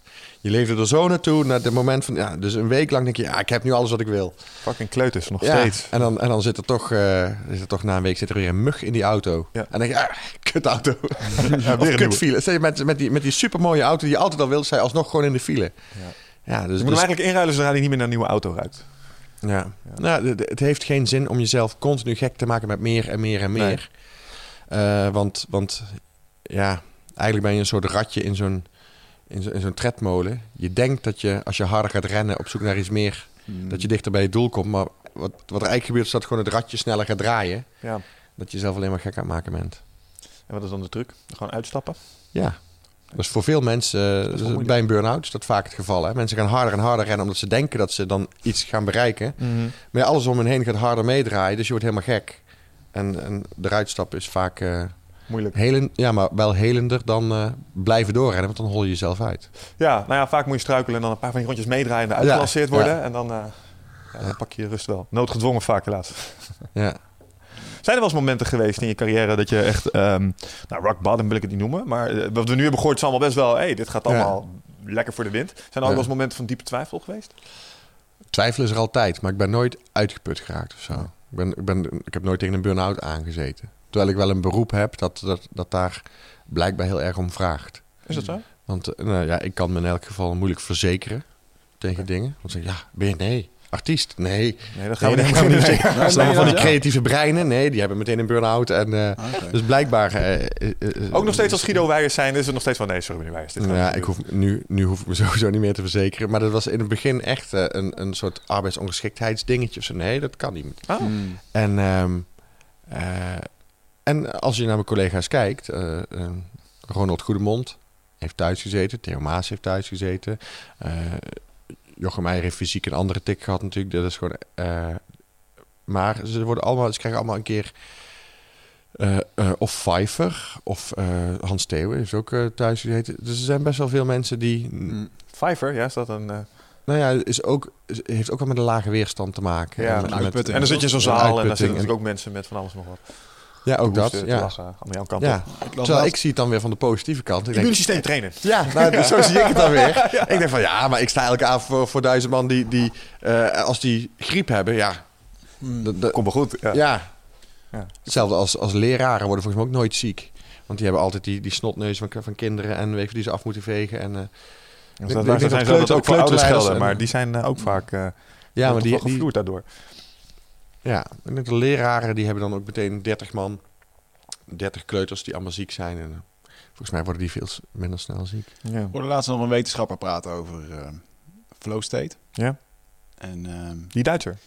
die Duitser Ja. op dat evenement. Eh was iemand die was helemaal over verschillende flow states bij artiesten. En eh, beschreef verschillende, dus actiesporters, dus adventure sports en extreme sports, Mhm. die hebben dat heel erg, maar ook artiesten. En dan gaf hij een aan dat eh, Robbie Williams, die, die was zo verslaafd aan dat, eh, Ja. eh, aan die aandacht, aan die kick op het podium staan. En eh, dat hij op een gegeven moment, toen hij, gesto- toen hij ging stoppen, of volgens mij in een burn-out kwam, maar gewoon niet meer die piek kon halen. Dat hij op een gegeven moment toch die dopamine en alle andere dingen die hij tekort kwam ging zoeken in drugs. En dat dat uiteindelijk hem echt helemaal gek heeft gemaakt. Waardoor hij zelfmoord heeft gepleegd. Dus het is wel een dingetje wat... Robin Williams. Ja. Ja, ik dacht dat jij Robbie Williams. Dacht de, de zanger, dacht ik. Nee, nee, nee, nee, eh, dat komt eruit. zei ik- Van ja, Jumanji. Ja, Ja. Jumanji, ja. Die, ja wat een briljante acteur was. Maar ik kan me wel voorstellen dat hij... eh, Ja, was, ook een, was ook eentje die in extreem ging. Volgens mij als die man ook aangaat op het podium, dan... eh, nou ja, als je het ook ziet, die zit gewoon volledig in zijn, in zijn zoon. Mhm. Ik kan me wel voorstellen dat zo'n gozer, als hij dan niet op het podium staat, dan zie je volgens mij een doodongelukkig iemand, weet je wel. ja maar het, het zou eigenlijk wel mooi zijn als je daar niet afhankelijk van bent, toch? Zie jij jezelf Dat je- ooit iets anders doen dan, in dat opzicht? Ja, ik, in, het, in, het, eh, in het jaar dat ik vrij ben, heb ik niet het idee dat ik per se dat applaus nodig heb of zo. Nee. Sterker nog, dan vind ik het juist wel fijn om, als ik ga reizen, eh, anoniem te zijn. En dan vind ik het fijn dat ik daar ter plekke eh, hele goede vrienden word met mensen die niet weten wat ik doe. Ja. Dan denk ik, Ja. oké, dus ik ben gewoon van mezelf blijkbaar. Ook een eh, leuke eh, vent, ja, precies. Een leuke vent en leuk genoeg om eh, nu... eh, Ja. eh, ja, om sociale contacten op te bouwen. Ja. Dus, en Is dat, is dat wel eens een dingetje waar je, waar je nu mee loopt? Van, nou, mensen vinden hem ook wel aardig omdat ik Guido Wijs ben. Nee, Nee, toch niet? nee die, Dat fil- wel filter je er wel snel uit Krijg je hoor. je boodschappen gratis bij de Albert Heijn? Nee, dat wil ik ook niet eens. Ze proppen er wat bij op, kan hij wel missen. Nee, de- ze, ze, ze roepen wel, eh, of, of soms wordt het wel gevraagd van, ja, als we een fotootje mogen maken, krijg je eten gratis. Of nou, dat moet ik niet doen. Weet je, dan, dan, dan eh, ja, de tweeledig. Eh, eerste, dan ben- prostitutie. dan- ja, nee, dan ben ik mezelf, dan, maar dan, eh, ik verbind mijn naam aan iets. Hmm. Ehm, terwijl ik, ik wil gewoon onafhankelijk blijven. Ik wil me niet dankbaar hoeven voelen dat ik iets krijg of zo. Ik betaal dan gewoon liever. Heel simpel. Voor, nou, je had het net over de sportschool. De sportschool zegt op een gegeven moment ook... Ja, zou je bij die spinningwedstrijd daar en daar willen zijn? Ik zeg, "Eh, En dan? Ja, dan krijg je korting met trainen. Of we kun je een jaar lang gratis trainen. Ja, En dan? en, ja, en dan? Dan moet ik dus vanaf nu altijd zeggen dat dit de beste sportschool is of zo. Daar Ja. heb ik helemaal geen zin in. Hmm. Ik wil gewoon, eh, wat dat betreft, onafhankelijk en autonoom blijven. Dus als ik me niet bind aan dat soort dingen, hoef ik ook niks terug. En daarbij, eh, als, eh, het staat ook niet meer in verhouding. Weet je, want op een gegeven moment denk je van, nou, ik, ik zet wel een tweet online omdat ik eh, voor 40 euro gratis heb gegeten bij een of andere Italiaan of zo. en, en, en een week later vraagt de, de mediamarkt of je voor 80.000 euro een klus wil doen en dat dan op tv uitzenden. Dat, dat ja, Ja. dat- die, dat, dat kun je niet meer vergelijken of zo. Dus ik, denk, ik heb gewoon één lijn getrokken. Ik doe dat nooit. Mooi. Wat Ja. is jouw, eh, even een sprongetje naar eh, eh, de wat grotere dingen die gaan gebeuren. Binnenkort sta je in de Ziggo Dome. Ja. Dik shit, dacht Dik ik. shit, toen ik ja. zag. Ja, Wat, eh begonnen als een grap. Ja? Gabbers is Ja. de je show. zaten met z'n vieren bij elkaar en je dacht, weet je wat wij gaan doen, jongens? Nou ja, de, de, de- het, het zoomde dan zo'n beetje rond en sommige mensen bellen elkaar op. van, Ja, ik, RTL die wil iets doen in de Ziggo Dome met comedy en lijkt jou dat wat? En, en op een gegeven moment zei ik, ja, ik doe wel mee. Eh, ik, en ik dacht voor mezelf, ook, nou, dat is wel een veilige manier, want dan hoef ik in ieder geval niet in mijn eentje daar te staan, maar heb ik er toch gestaan. Dat is een soort, eh zo'n soort afvinkdingetje, zo'n Ja, ja. bucketlist. Ehm, en toen gingen we dat, toen dacht ik van ja, maar dat, het risico is ook wel groot. Want als er dan dadelijk maar 6000 man zitten, ja, dat is kei veel, maar is nog steeds maar half vol. Ja. Ja. Ehm, dus ja, als er geen 12.000 man zijn, is het eigenlijk mislukt. Ja. Mhm. Dus, eh, dus wij gingen naar Umberto Tan in de hoop dat er toch wel op zijn minst 8000, 9000 kaarten... Dan voelt het alsof het vol zit. Waarom heb je Umberto daarvoor nodig? Eh, we- te toen- promoten toen- zijn show bedoel je? Ja, toen gingen we gewoon... eh, we zaten s'avonds bij zijn talkshow Ja. om te zeggen van... Nou, we gaan Ziggo Dome doen. Maar we hadden in ons achterhoofd van... Nou, het zou wel tof zijn als er dan op zijn minst 9000 kaarten verkocht Ja, oké, worden. oké. ja. Hmm. En de dag erop ging de tweede show in de verkoop. En eh, binnen een week de derde show. En nu zitten we op vier shows. Dus dat, dat dacht oké. Dus die... En in plaats van dat de druk dan toeneemt bij mij... gaat er bij mij druk af. Dan Nu denk wordt ik, het oké, leuk, ja. Oké, nu, nu kunnen we dus iets leuks gaan maken. Het zit vol, dus iedereen... eh, er komen in ieder geval al genoeg mensen op het feestje. Mooi. Nu moeten we alleen zorgen dat het een leuk feestje wordt. Ja. Ja, Maar ja, dat heb je inmiddels zo vaak gedaan. Dat gaat ja, natuurlijk ja, en die andere gasten zijn natuurlijk ook gewoon professionals. Dus die, Wat dat gaat dit worden? Want eh, eerlijk te zijn, ja, ik ben dan misschien de cabaretier barbaar. Ik ken die andere gasten helemaal niet.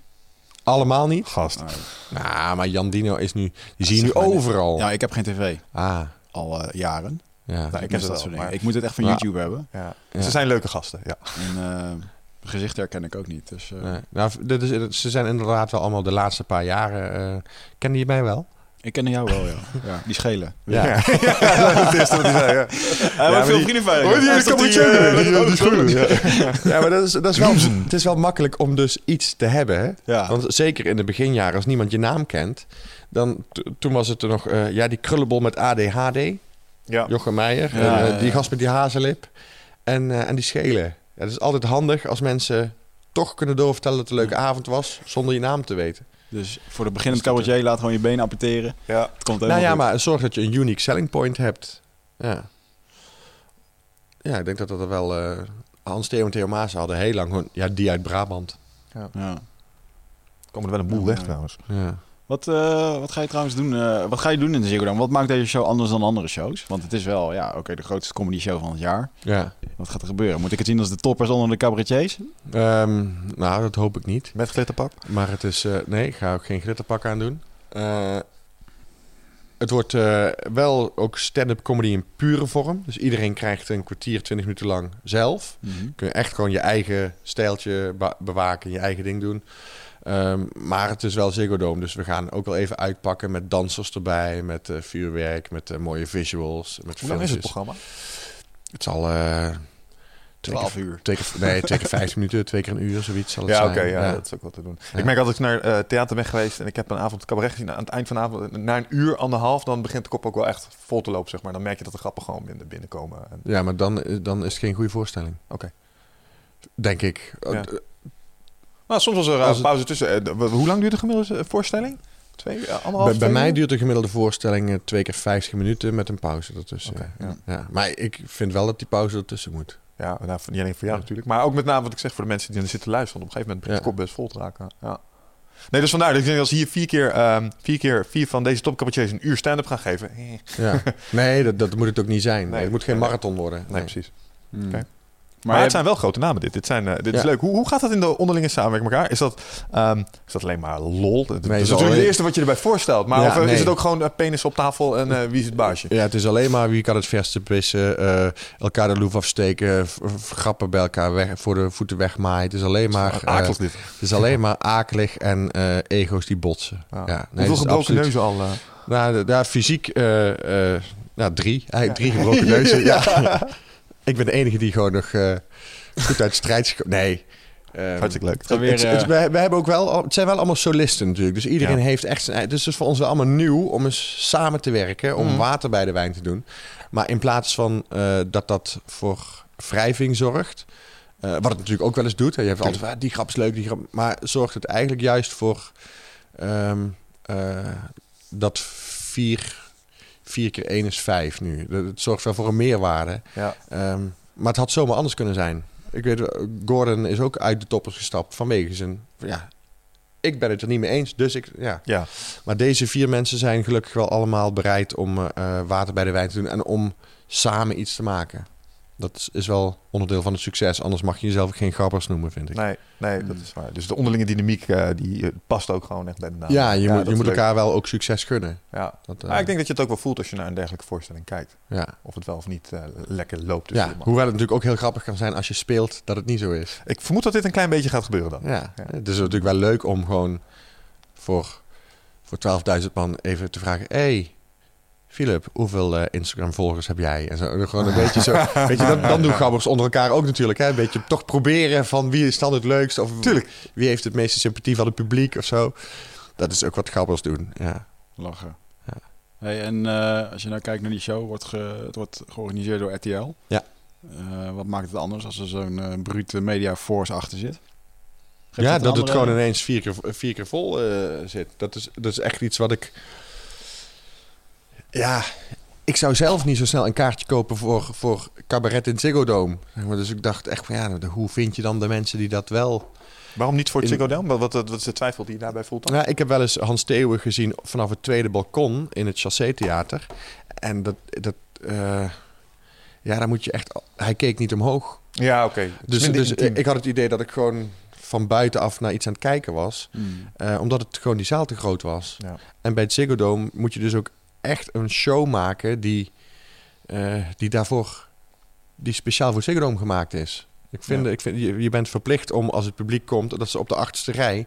Ja, vuurwerk zie je ook op de achterste rij. Maar je bent ook verplicht om er wel even fatsoenlijke schermen neer te hangen. Dat ze wel zien wat er gebeurt. Ja, ik stel me nou ook zo'n zaal voor waarbij jullie dan zo'n, op zo'n catwalk naar het midden op zo'n eiland gaan staan Ja. of zo. Dat soort dingen. eh, Ja, ik, ik, dat wil, kun je nu gaan doen. En dat normaal gesproken is Ja. natuurlijk absoluut no-go. ik, wil, ik wil wel graag ook inderdaad eh, even in het midden staan en eh, Ja, dat snap ik. de wave zo helemaal om me heen laten gaan. Dat lijkt me tof. Ja. Mooi. Dan gooi je weer de dance act. Hm? Ja. Top. Ja. In dat littenpak. Ja. Ja, ik weet niet of dat nodig is. Maar. Wat zijn nog meer, wat is nou echt je allergrootste wens die je nog hebt? Je had het over een bucketlist. Ja, maar ik heb al zoveel. eh, ik heb wel echt een tijd gehad dat ik dingen op die bucketlist heb geschreven en dat ik ze één voor één moest afvinken. Gewoon obsessief het je hebt wel najagen een paar van je doelen. strekjes volgens mij, of niet? Ja, maar, maar het wordt wel iets minder. Oké. En dat komt of doordat ehm, eh, ik ouder word, of doordat ik al. Ik vind mezelf al zo'n geluksvogel. Hmm. Eh, en ik heb al zoveel. Wat, wat we in het begin zeiden met zo'n zo'n ehm, whale shark. Was dat voordat de camera liep of daarna? Ja, dat was het tijdens. Ja. Ehm, dan, dat stond niet op mijn bucketlist. Maar eh, vissen onder water zien in de Great Barrier Reef had ik op een bucketlist zitten. Maar dan doe ik dat en dan komt er meteen zo'n whale shark voorbij. Mhm. Oké, die is extra. Cadeautje. Ja, eh, eh, ja. Ik, ik wil eh, carnaval vieren in Brazilië. En dat ga ik dan doen. En een, een half jaar eerder komt er iemand naar me toe. Maar mijn bucketlist is met de motor door Mexico rijden Ja. op een Harley. Ga je mee? Was dit ten En tijde van de kartels? Was nog... nee, dit was, dit was... Nee, Dat, zeggen, dat is wel echt not a good move. een jaar of zes, zeven geleden. Nee, er, gingen wel mensen... moesten wel een gids mee Ja, voor de veiligheid. met maar Metrieur. nou, dat nog net niet. Nee. Nee. Nou, Maar- toen ik in Mexico was, toen gingen namelijk wel mensen mee met Metrieur. Dus, Ja? eh, ja, ja, het, schijnt wel, het is wel heel heftig daar met criminaliteit en zo. Ja, we, za- we zaten in... de, eh, hoe noem ik dat? Mexicaans... Californië. Eh, je hebt het, het Californische deel. Ja. Of, of Mexicaans Californië heet het volgens mij, geloof ik.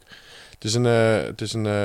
eh, het schiereiland naast Mexico. Ja, Je hebt hier Mexico en dan heb je nog zo'n... staartje eraan. vanaf ja. Amerika, vanaf San Diego zijn we zo Mexico ingereden. Richting Via Cabo Tijuana. San Lucas. Hè? Via Tijuana. Ja. Ja. ja. Ja. Ben je ook geweest, hè? Sin City, of niet? Tiju- Tijuana is het Amsterdam van Mexico. eh. ja, ik heb toen een jongen uit San Diego leren kennen toen ik in Australië was. Die, eh, die zei van, joh, ik vlieg af en toe gewoon naar, vanuit San Diego naar Tijuana om daar gewoon te feesten. En eh, dat is gewoon het slauw, alleen naar Mexico. En toen was dat inderdaad nog echt een... eh, toen kon je daar nog heen gaan. Ik weet nog dat ik toen met... eh d- eh, gingen we naar het WK Jiu-Jitsu. In, dat was in Los Angeles. En toen gingen we naar Tijuana. Ik dacht, ja, dat is een partyplace. Dus wij Ja. daar naartoe. Weet ik nog dat we een autoverzekering afsloten. en toen mochten we extra bijverzekeren dat als we iemand zouden eh, doodschieten uit verweer... als die ons zouden proberen te hijacken met de auto, waren we verzekerd. Nou, Weet je dat je naar leuke was gebieden gaat als je. Dat. Dat afsluiten. Ja, maar ik heb daar zo gelachen, jongen. Dus wij met z'n drieën op die grens over in een gehuurde auto. En echt elke Amerikaan die zei... You're going to Tijuana, man. They put people, they put people in cages. You're crazy. Weet je, Ja, zo, nou, gaan we een feestje vieren. En toen weet ik nog wel dat we daar waren. En echt alsof je in een film de grens over ging. Dat in Amerika is alles nog helemaal tip-top geregeld. En dan ging je de grens over. En dan zag je echt zo'n stoffig weggetje met zand langs. Van die bosjes die dan zo over de weg heen waaien, weet je wel. En dan helemaal niks. Geen verkeersborden of dingen. Dus ja, op een gegeven moment, ik ging gewoon de weg vragen. Die kerel echt zo, man, you're in Tijuana now. Just close your eyes and hit the gas. weet je? Echt één groot gekhuis daar. Klinkt als België. Eh, ja, vervolgens eigenlijk had je daar alleen maar straatjes met uitgaan. Met eh, alleen maar striptenten en eh, ehm, mensen die in een apothekersjas stonden. En die dan daar gewoon anabolen en Camara, Viagra en alle andere shit aan het verkopen waren. Naast een grote koelkast vol met bier en drank. Schijnbaar is het daar, als het, eh, als het seizoen is, dan gaan alle Amerikanen erheen. En is dat gewoon het grote slauw. En eh, ja, dat ging Maar wist over. jij een jaar eerder dat je dat ging doen? Stond het op jouw bucketlist? Nou, ik had wel zoiets. Ja, ik had wel zoiets van toen. Hey, we gaan naar Amerika, eh San Diego. Hey, we gaan naar Tijuana. Ja, dan Ja. heb ik wel snel de. ehm, ik had niet per se de bucketlist van moet naar Tijuana, want het is gewoon het grootste. ja, wil je helemaal niet zijn eigenlijk. Nee, maar er, er komen dan zoveel mooie dingen op je pad... dat je op een gegeven moment ook denkt... ja, die bucketlist, ja, Het hey, zal me wel. Ja. het zal me wel. Ik heb al zoveel... Hmm. Al, alleen al als ik, de, als ik de laatste vijf maanden van mijn leven bekijk... dan heb ik al zoveel meer gedaan. Weet je, mijn opa en oma zijn één keer in hun leven naar Nieuw-Zeeland geweest... om familie te bezoeken, drie Mm. weken. En dat was de reis van hun leven. Ja. En, eh, en toen mijn opa eh, wegzakte heeft eh, in coma... en voordat hij doodging...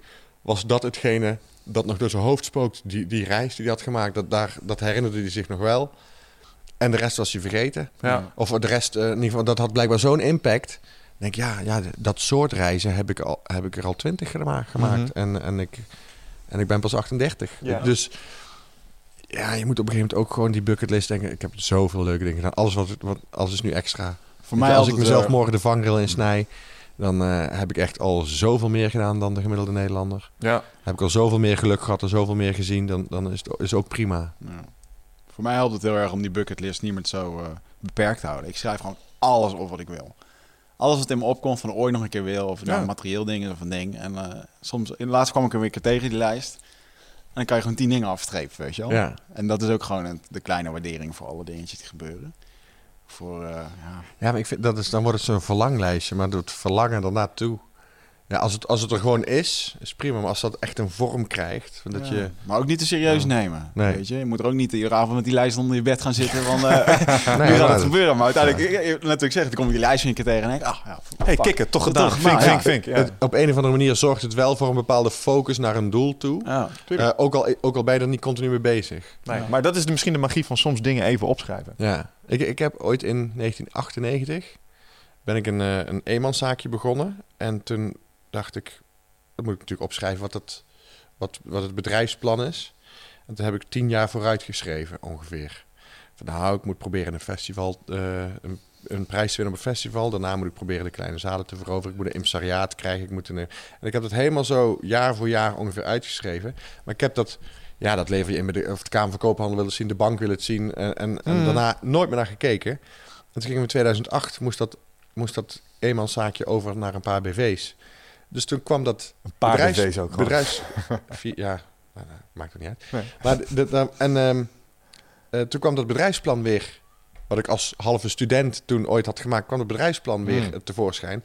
En toen kwam ik er tien jaar later achter dat ik gewoon alles, bijna alles wat er op, op mijn to-do-list stond, gewoon had afgevinkt. Ja, en nu is de vraag: zou het ook zo zijn gelopen als je niet dat plannetje van tevoren had opgeschreven? Ja, de- de- Ik denk dat het heel erg geholpen heeft. Ik denk dat je wel altijd een soort bepaalde focus moet hebben, waardoor je een bepaalde ehm, eh, mogelijkheden en kansen voorbij Ja. ziet komen. Maar iedereen zegt ja, als je kansen moet je pakken. Ik- Ik denk wel dat je. Is heel simpel als jij eh, morgen een, een nieuwe auto wil kopen en je zegt ik wil een Audi A4. Ehm, dan zie je vanaf morgen ineens overal Audi A4's rijden. Ja. Dat is gewoon pu- Ja, puur je selectieve eh, perceptie. Je, je, je gaat dan ineens eh, je openstellen, hè, je Mhm. selective exposure, en, Ja. en je neemt eh, selectief waar, omdat dat, dat eh, op dat moment is wat jou bezighoudt. En zo is het met doelen stellen in je leven en focus natuurlijk ook. Als jij, ehm, als jij topsporter bent en, jij, en het zit in je systeem dat jij om 12 uur s'nachts op dat feestje ook nog topsporter bent, omdat je gefocust bent, dan neem je dat biertje niet, Ja. waardoor je de dag erop misschien toch beter presteert. Dus de, het heeft wel, het kan allemaal wel invloed hebben, maar zeg het niet tegen Paul Smit. Nee, nee. nou ja, eh, hoe ik daar... Ja, of hoe- die zegt dat focussen, je kunt niet anders dan dat focussen. ja. Ja. Maar ja, dat lijstje schrijf je ook. Dan Maar daarmee Ja, zet je... ook. Dus ook dan- wie je ja. bent. Ja, maar daar programmeer je jezelf ook weer een soort van mee. Waardoor je inderdaad op een bepaalde manier naar de wereld gaat Mhm. kijken. Alleen wat je vaak met doelstellen merkt, is dat mensen het heel eng vinden om te zeggen: ja, ik moet. Die denken dan dat ze precies moeten vasttimmeren waar ze over twee, vijf of tien jaar staan. Terwijl ik denk, nou, weet je wat? Misschien is alleen al het bepalen van je richting is goed. Je wist dat je iets met entertainment wilde, dus je moet die kant uit. Dus dat betekent dat we niet meer dingen gaan doen om bedrijfseconomie onze Nee. eigen te maken, bij wijze van spreken. Om het, nou ja, en dat is al een vorm van focus. Dus weten welke windrichting je ongeveer in wil. Zeker. En dan wordt het gaandeweg denk ik wel concreter. Hey, nog even Ja. over Paul Smit. Want dat eh eh, bracht me nog even met een van de dingen die ik had opgeschreven. Je bent bezig met een filmproject met Paul Smit. Wat Ja, ben je aan het doen? nou, ik- eh, Paul is er vooral mee bezig Ja. en ik eh, mag me er tegenaan bemoeien. Wat een ontzettende luxe positie is. Ja. Ik ben, eh, eh, hoe heet het nou? Director Advisor. ja, het is een internationale Heb je film. ook zo'n eigen stoel met je Dus eh, nee, nee, dat heeft- niemand daar zelfs. Jammer. Ehm, maar de, dat is heel leuk, want Paul, heeft een, eh, Paul is natuurlijk een non-dualist en is filosoof en zit in de hoek van eh, geluk en heeft daar een, eh, denk ik vier, vijf jaar geleden een film over gemaakt, alles over niets. En nu wil hij het, de internationale versie ervan maken of een soort vervolg. Ehm, eh, het vervolg is wel wat minder belerend. Dit is echt een soort comedy Ja. over filosofie. Ja, was hij een beetje prekerig in zijn laatste film? Nou, in die, die, die eerste film die hij maakte, dat was een film die onderbroken werd door interviews met eh, eh, mensen die veel weten van non-dualiteit. Dus daar werd het ook in uitgelegd Mm. hoe de the- theorie zit. In deze film wordt niks uitgelegd. Dit is gewoon een comedy. En eh, je, je vindt die stof leuk of niet. Ja, oké. ja, Ehm, ja. ehm, en het gaat over filosofie en spiritualiteit. Maar het is niet zweverig en daar wordt ook niks uitgelegd. Nee. De, het verhaal moet zijn werk doen. Ja. En hij zei twee jaar geleden of zo van... Ah, ik, ga toch weer, eh, ik wil toch wel weer een film gaan maken. Wil je meekijken naar het script? Wil je er een beetje tegenaan bemoeien? Ehm, als ik een voorstelling schrijf, dan is Paul mijn klankbord. Ja. Paul die eh, eh, past wat dingen aan, voegt wat dingetjes toe... stelt mij vragen waardoor het beter wordt. En precies diezelfde rol heb ik nu bij zijn film gehad. Ik heb, ik heb gezegd, nou, je zou volgorde kunnen veranderen. Je zou een extra thema kunnen toevoegen of niet. Of. Dus het is heel leuk, zo'n cre- creatief proces. Maar Paul heeft er echt extreem veel uren in gestoken en extreem veel... eh, eh, eh, en, en ik mag daar dan iets van vinden, Hmm. wat hem weer helpt. Ja. Dat is alleen maar, ja, dat is heel leuk. Mooi. Ja. Mooie samenwerking. Wanneer moet die Ja. uitkomen? Eind dit jaar, toch? December, ja. Ja, dus, en het is echt ook een... het verbaast mij dan hoe, hoe mooi dat wordt. We hebben net drie weken op een set gestaan. En we hebben gefilmd eh, vanuit een zwembad. We hebben in een sportwagen gefilmd. We hebben in een of ander klein... eh, eh, eh, zeg je, een klein eh, huurfletje hebben gefilmd. Maar ook in de dikste villa die er staat Ja, ik net zeggen, ben je film over non-dualiteit opnemen of een rapclip? Zwembaden, Ja. auto's. Ja, met, maar alles door elkaar. Weet Ja. je, dus, eh, ehm, en het gaat over een, eh, over een eh, actrice die heel erg hunkert aan meer succes. Mhm. Dus die ook een beetje moet aanpappen met een acteur die het heel erg gemaakt heeft. En zo. Vandaar het grote. Mm. Maar ja, ze moet wel naar Londen eh, om, om daar te komen. Dus, en dat is, dan heeft ze natuurlijk wel gewoon een heel klein appartementje. En de keerzijde van het succes. Maar dat is dat. We hebben in drie weken heel veel lol gehad op de set. We hebben heel veel gelachen en we hebben gezien dat het er allemaal mooi gefilmd is. Maar we hebben het niet in, eh, in de volgorde opgenomen waarin het ook in de film zit. Ja. Dus het zijn allemaal losse fragmenten die we allemaal afgelopen drie weken hebben gezien. En ik ben zo benieuwd als dat straks gewoon één film wordt. Met een begin en een eind en dat het in de goede volgorde staat. Ja, het, het, eh, ik ben heel, ja, Ja. Voor de internationale ook film, van zei je? kwispelen, merk je dat? Dus Ja. dan vind ik eh, heel benieuwd hoe dat gaat worden, ja. Maar het wordt een internationale film? Deze? Ja, dus eh, alleen maar Engelse cast en eh, ja, zodat hij overal, eh, hij kan online komen, maar dan kunnen mensen hem in Amerika hem ook zien. Ja. Ja, dat is wel heel krachtig.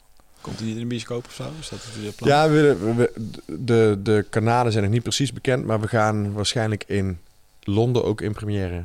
Oh, lachen. Het wordt wel Dus, echt een bioscoopfilm. Ik vind, ik vind iets voor, eh, hoe heet dat eh, filmfestival ook altijd? Waar ze die... Kan dat, geloof ik? Ja, Culturele... geen idee, daar heb Nee, ik geen, kaas van gegeten. Nee, ik ook niet. Er is bijvoorbeeld ook in, in Amerika is zo'n eh, Cent, zo'n bijeenkomst waar dan 200.000 man naar een of andere uh, goeroes gaan kijken en, over filosofie en over spiritualiteit en zo. Ja, misschien dat hij daar ook wel gaat draaien of zo op zo'n festival. En, Leuk. Gaaf. Maar dat is, dat is het mooie van Paul Smit. Die, die denkt dan, ja, dat gaat allemaal zoals het gaat. Dus eh, het doel is niet dat dat hij in de bioscoop komt. We maken eerst een mooie film en wat hij gaat doen, dat, Ja. is, eh, dat zien we wel. ja, Ja. ja. Dat klinkt wel als Paul, ja. Ehm, Oké. Ehm, en je had het er net nog even over een, eh, over een project waar je mee bezig was, waar, waar ik toch nog wel heel even op wil terugkomen. En dat zijn die geluksworkshops waar je Ja. mee bezig was. Want je bent nu dus in een, een nieuw format, ga je dus echt workshops geven. We kunnen straks Ja. bij Guido Wijs in een workshop. Een masterclass. Een masterclass, ja. Ehm, ja, weet je, toen ik het, eh, toen ik voor die TED Talk, eh, ik heb me natuurlijk veel vaker verdiept in geluk en ik zit al heel vaak in die, in die filosofische hoek. Ja. En bij TED Talk dacht ik, ja, ik wil eigenlijk ook gewoon wat onderzoekjes en zo. Toen dacht ik, eigenlijk wat je nu ziet gebeuren is iedereen wil gelukkig zijn en iedereen, er zijn heel veel zoekers. Maar het blijft vaak een beetje hangen bij yoga en, en gezond eten en ademhalen. En zo. Maar als je nou gewoon kijkt, stofjes in je hoofd, eh, hoeveel, hoeveel invloed hebben die überhaupt op hoe gelukkig iemand kan zijn? Ja. Eh, eh, en, en ik kwam uiteindelijk ook zelf bij een theorie van welke vormen van geluk zijn er. En toen kwam ik bij een, uiteindelijk bij een verhaaltje uit waar, waarbij voor mijzelf heel erg duidelijk werd waarom ik zelf zo gelukkig ben. Ehm, dat is dat er, dat er drie verschillende vormen van geluk zijn.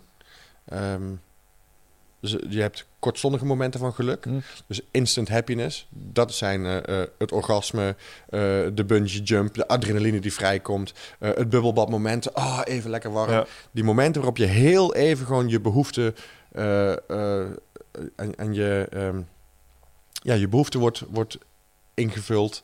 En je bent even gewoon vrij van angsten of verlangens. Ah, lekker. Ja. Die momenten heb je. Ehm, maar je zou denken, als je dus alleen maar van die geluksmomenten aan elkaar rijgt, heb je een leuk leven. Mm. Maar dat is niet helemaal waar. Want ehm, het is wel ook fijn als je die geluksmomenten kunt beleven terwijl je ehm, het goed voor elkaar hebt. Terwijl je in je achterhoofd geen zorgen hoeft te maken. Dus er is een tweede vorm van geluk. Een soort alge algeheel welbevinden. Waarin jij het prima voor elkaar hebt. Waarin je je financieel geen zorgen maakt. Waarom je, waarin je een leuke vriendin hebt, een leuke baan. eh, Waarin een soort rust zit. Mhm. Ehm, waaraan eh, aan jouw behoefte is voldaan. Dus dan zou je bijna denken, als je twee dingen hebt, kortstondige momenten van geluk, je hebt het goed voor elkaar en je doet heel veel leuke korte dingen, dan ben je maximaal gelukkig. Ja. Maar als je het goed voor elkaar hebt en je doet veel leuke dingen, kan er nog steeds een vraag in je hoofd blijven zeuren en dat is, ja, wat heeft het allemaal voor zin? Mm. En dat is de derde vorm om echt het maximale uit geluk te kunnen halen. Dat is zingeving. Ja. Is dat wat ik doe, heeft dat een waarde? Of, eh, eh, of maken we samen de aarde beter? Of, eh, of ehm, zorg ik... Het hoeft niet per se aarde beter te maken, maar het kan ook eh, zijn... eh, ehm, ik wil graag zorgen dat mijn kind gelukkig wordt. Ja, lieve legacy. Iets Ja. nalaten. Zorgen Iets dat het zin heeft gehad ja. wat je aan het doen bent. Ja. En dat kan, eh, dat kan ook heel egoïstisch zijn. Of het kan ook iets... Maar eh, dat moet wel in ieder geval een bewuste keuze zijn. Of het moet, eh, je moet daar weet van hebben. En, ehm, en als je die drie vormen bij elkaar... dan heb je maximaal geluk. Nou, en ik score op die drie dingen best wel goed. Ja. Want ik vind dat mijn voorstellingen zin hebben. Ehm, omdat mensen naar huis gaan... eh, ehm, of ze zijn leeggelachen en even vrij van, van, van stemmetjes in hun hoofd... omdat ze gewoon lekker hebben gelachen. Of ze hebben er iets van opgestoken. Ja. Eh, maar dat is zingeving voor mij. Maar ook gewoon aardig zijn voor mensen om me heen is zingeving. Vegetariër zijn is Mhm. voor mij een bijdrage leveren aan een groot ge- groter geheel. Ehm, eh, de Alpe 6 fietsen en, eh, en een paar ton ophalen is voor mij ook iets gewoon omdat ik dan denk, nou, we doen z'n allen moeite om, om het zo leuk mogelijk te hebben met z'n allen en zo fijn mogelijk te hebben met z'n allen. Dus zingeving is bij mij ingevuld. Ehm, financieel en, en, en eh, thuis is het ook allemaal gewoon fijn. En ik doe hartstikke veel leuke dingen. Ja. Dus eigenlijk ben ik maximaal gelukkig. Eh, en dan heb ik zelf ook nog het geluk dat de 40 of 50 procent die bepaald wordt door mijn stofjes in mijn lichaam, Mhm. ja, daar heb ik dan ook nog heel veel geluk mee. Want eh, blijkbaar, wat jij zei, straks zei, bij mij is het glas best wel vaak half vol. Dus van nature heb ik al heel veel van die stofjes. Ja, daar moet je echt blij mee zijn trouwens. Want, Ja. ehm, ik heb het zelf ook. Ik ben erg positief eh, ingesteld Ja. voor mezelf. Maar ik zie ook wel eens mensen naar exact dezelfde situatie kijken als waar ik naar kijk. En dan denk ik, Ja. jeetje, wat moet het zwaar zijn om er telkens zo naar te kijken. Ja. zeg. Ja. Het lijkt me heel vermoeiend. Als je altijd slachtoffer bent. Ja. Ja. Maar ja, dat zit bij sommige mensen in het systeem, hè? Maar ja, dat Kunnen zijn dan ook- mensen die ja. counteren dat dan weer. Ja, maar ja, wat is, eh, doe niet zo pessimistisch. Ja, maar wat is een pessimist dan? Dat is een optimist met levenservaring. Ja. Dan krijg je dat soort dingen. Maar ja, Ja, dan maar nog de- denk ik dat je het beste ervan kan maken. Ja, maar dat, denk jij omdat het in jouw karakter zit, omdat het in je systeem zit, omdat jij ja, die stofjes hebt. Ja. Het is, ehm, Als je die beter weet. Ja. Jongens, laten we even heel, heel eerlijk zijn. Misschien, eh, misschien moet ik deze vraag even niet stellen. Maar eh, gaan jullie wel eens naar een feestje? Nemen jullie wel eens wat? Heb je wel eens iets gebruikt? Jazeker. Ja. Dan eh, ecstasy of iets anders? Of, Nee. eh, Nee, ik heb nog nooit eh ecstasy gebruikt, maar ik, we hebben dus een gedeelde uh, hartstocht, dat ayahuasca, maar Ja. ook wel eens cannabis. En dat soort ja, ja, oké. Ik heb wel trouwens herbal ecstasy geprobeerd. Dus niet het Ja. synthetische, het is geen, nou, gewoon 80% van het. Nou, effect. laat ik het voorbeeld dan even pakken van ecstasy. Ja? Als je, ehm, je hebt een emmer in je hoofd. Hmm. En dan komen elke dag tien knikkertjes geluk. Op een gegeven moment zit die emmer vol. En dan stromen er elke dag tien knikkertjes geluk je lichaam in. Ja. Ja? Dat geluk heb ik. Dat elke dag voel ik me gewoon fijn en gelukkig. Ehm, als je dan een pilletje neemt, dan wordt gewoon in één keer even bam die emmer omgetrapt. en dan in één keer de honderd knikkers tegelijk zo komen door je hele lichaam. Maar dat betekent wel dat de dagen daarop Mhm. hè, moet die emmer eerst weer volkomen Mhm. voordat het weer verder je lichaam ingaat. Nou, ehm, ik heb dus het geluk dat die emmer bij mij heel snel aangevuld wordt met Ja. geluksknikkers, Ja, zeg ja, maar. Maar er zijn heel veel mensen die inderdaad niet die stofjes in hun hoofd hebben Oh. en, en gewoon zelf altijd depressief zijn en weet ik veel. Ja, dan bereik je dat nooit. Die, die, die hebben dan inderdaad, uh, dan kunnen ze het goed voor elkaar hebben, kunnen ze leuke dingen doen. En dan kunnen ze uh, zingeving in hun leven hebben. Maar dan hebben ze nog steeds nog maar een vijf of een zes. Ja. Uh, omdat ze gewoon genetisch gezien geen geluk hebben met stofjes in hun, in hun hoofd. Ja, toch is dat ook wel op een of andere manier ook wel weer te beïnvloeden. Want als je die mensen, als het niet doen, bijvoorbeeld uh, gezonder zou laten eten... en je zou ze bijvoorbeeld fysiek aan het werk zetten... dan zul je zien dat die geluksknikkers ja. meer worden geproduceerd in je lichaam. Ja, dan kunnen die, die stofjes misschien beter ontwikkelen. Ja. Zeker weten. Mooi. Mogen wij er een eindbaas-experience van maken? Voor jouw workshop? een eindbaas-experience? Ja, wij doen... Uh, uh, we, hebben, we gaan het doen. We hebben ook. Ja, morgen. Uh, ja. Nee, nee, we gaan dan hoop. we gaan nu naar evenementen toe en naar dingen. Ja. we gaan gewoon. En dan gaan wij met z'n tweeën, want wij zijn professioneel cameraman en podcaster. Alles heen. Wij gaan gewoon met die camera heen en wij gaan gewoon ons verhaal ervan maken. Dus we gaan gewoon 10 minuten filmpjes maken van toffe eindbaas experiences. Uh, dus ik zou het super leuk vinden als je die workshop gaat geven, dat we daar gewoon naartoe gaan. En dan gaan we dat filmen en dan uh, maken we daar een leuke, uh, Masterclass geluk, ja. ja. gaaf. Ja, als je, maar het wordt niet lachen, hè? Nee. Dan wil ik even goed. Nee, dus echt gewoon een masterclass over geluk en over. Uh, ik ga ook zelf nog masterclass volgen aan de Erasmus Universiteit. Puur om gewoon nog meer kennis. Om het, ik moet nog naar Bhutan om daar te gaan onderzoeken hoe het daar zit. Ik wil gewoon echt dat het ja, het moet, het moet geen leuke, grappige voorstelling worden. Het is persoonlijk leiderschap wat je doet. Ja. ja. Dat zijn thema's die ons ongelooflijk fascineren, dus uh, we komen graag. Ja, nou ja, dus uh, noem het persoonlijk leiderschap. Ik, ik, ik noem het gewoon, ik ga dat doen. Ik ga dat doen. het is zelfontwikkeling. Ik vind dat dat zo hoort. Ja, dat is mooi. Ja. Okay. Maar, nee, maar jullie zijn welkom. Okay. Ja, dus, en dan kun je even inschrijven op puurgeluk.nl. Plug, plug, plug. Schaamteloze zelfpromotie. Ja. Waar kunnen mensen jou vinden op uh, social media? Ben je een beetje actief? Uh, ja, uh, Twitter. Instagram heb ik nog meer mensen nodig. Want dat, dat blijft een beetje achter. Het is blijkbaar een andere groep. En daar ben ik ook pas net mee gestart. Oké. Okay. Um, maar Facebook, Instagram en Instagram, Twitter. maak even de sale. Waar kunnen mensen jou vinden dan op, in, op Instagram? Oh. Instagram.com slash Ja, volgens mij, volgens mij heet ik Guido. 333 of... Nee, Guido Official. Maar het zou, best, zou ook maar zo kunnen zijn dat ik Guido Weijers 2016 of 2015... Want er was al een Guido Weijers die de naam Guido Weijers gewoon had genomen. Maar dus Guido moest ja, official, ik, ik, moest wel het woord official erbij zetten, oh, ja, ja. ja. want marketingtechnisch op jouw website, als ik dan op het Instagram-icoontje klik, dan kom ik op een pagina die niet bestaat. Dus dat zou de reden oh, kunnen zijn dat uh, Guido Weijers 2015 staat er Ja, maar ik vraag, ik vraag me... Ja, precies, dat is de oude, ja. ja maar het is inmiddels 2016, dus ja, maakt elk jaar een nieuwe. Geen wonder. hij denkt dat ieder jaar een abonnement moet afsluiten. Dan maakt hij gewoon een gratis accountje Nee, maar... Eh, en, um, ja, dus ook, maar ik moet ook heel eerlijk zeggen... Een eigen website... Uh, dus guidoweijers.nl ik denk bijna dat Facebook en Twitter en zo, dat het bijna gewoon uh, meer doet dan, ah, ja. dan je eigen website. Ik zag laatst een website van iemand die had ook zijn eigen naam.nl en dan had hij vier knopjes en dat was zijn Facebook en Instagram. Ja. En, ze, en dat werd dan gewoon eronder ingeladen. Ja, hey, als het werkt, werkt het. Ja, ik denk dat dat eigenlijk gewoon de nieuwe vorm is. Mooi. Ja. Oké. Hey, en uh, Gabbers, is, is het, het is niet alle shows zijn uitverkocht, hè? wel? Nee, uh, de, er is er nog eentje waarvoor kaarten zijn en dat is de 25e smiddags. Oké. Ja, de rest zit vol. Dus dat kunnen we ook kopen. Via ja. Ja, ja, alleen op, op mijn site. Ik heb gisteren toevallig ook op mijn eigen site gekeken. en uh, daar staan er nog dat het nog voor twee of drie voorstellingen kaarten ja, maar daar vinden ze de knop van bestel je tickets. En, uh, ja, maar zaterdagmiddag zijn nog kaarten. Dus voor de zaterdagmiddag 25 juni. Lachen man. Ja, het, het, voelt ineens alsof het afgelopen is. Ik ben heel benieuwd. Uh, is het, als ik, als ik Wigget, ik ken Wigget iets langer. Ja, hij is, ja, hij is bezig. Ja, we kunnen nog wel ver over. We bijna de twee uur. Ja, ik, Echt serieus? Ja, Zo lang al? Ja, nee, het gaat heel snel. We zitten op de... Um, 116 minuten alweer. Tering. Ja, ja, dat ging rap. Is er nog een onderwerp wat je graag aan ons zou willen vragen? Ja. We, de, uh, ja, maar dat is, altijd, dat is ook wel een, Wat er nu dan bij mij te binnen schiet. Nu het, ik riep eerst ja en toen pas ging ik nadenken. Um, maar ik kan natuurlijk zeggen, ah, wat was de uh, interessantste podcast? Maar ja, iedereen heeft natuurlijk zoveel verschillende... Ja, dan ga ik het zelf invullen. Moet ik helemaal niet doen. Ja. Wat was de meest interessante podcast? Begin jij?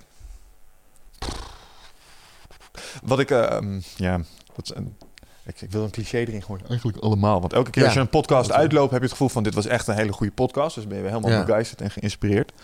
Maar als ik um, gewoon heel eerlijk kijk, welke heeft het meeste impact op mij als mens gemaakt? Ja, nummer 26, waarin ik mocht vertellen over mijn eerste keer uh, ayahuasca. Dat heeft echt zo'n ja. indruk gemaakt op mij als mens. En nu dagelijks ben ik daar nog wel mee bezig. Ja. Dat heeft er ook mee te maken dat ik binnenkort weer terug moet. Maar um, eh, en daarover mogen vertellen en de respons die ik daarop heb terug mogen ontvangen.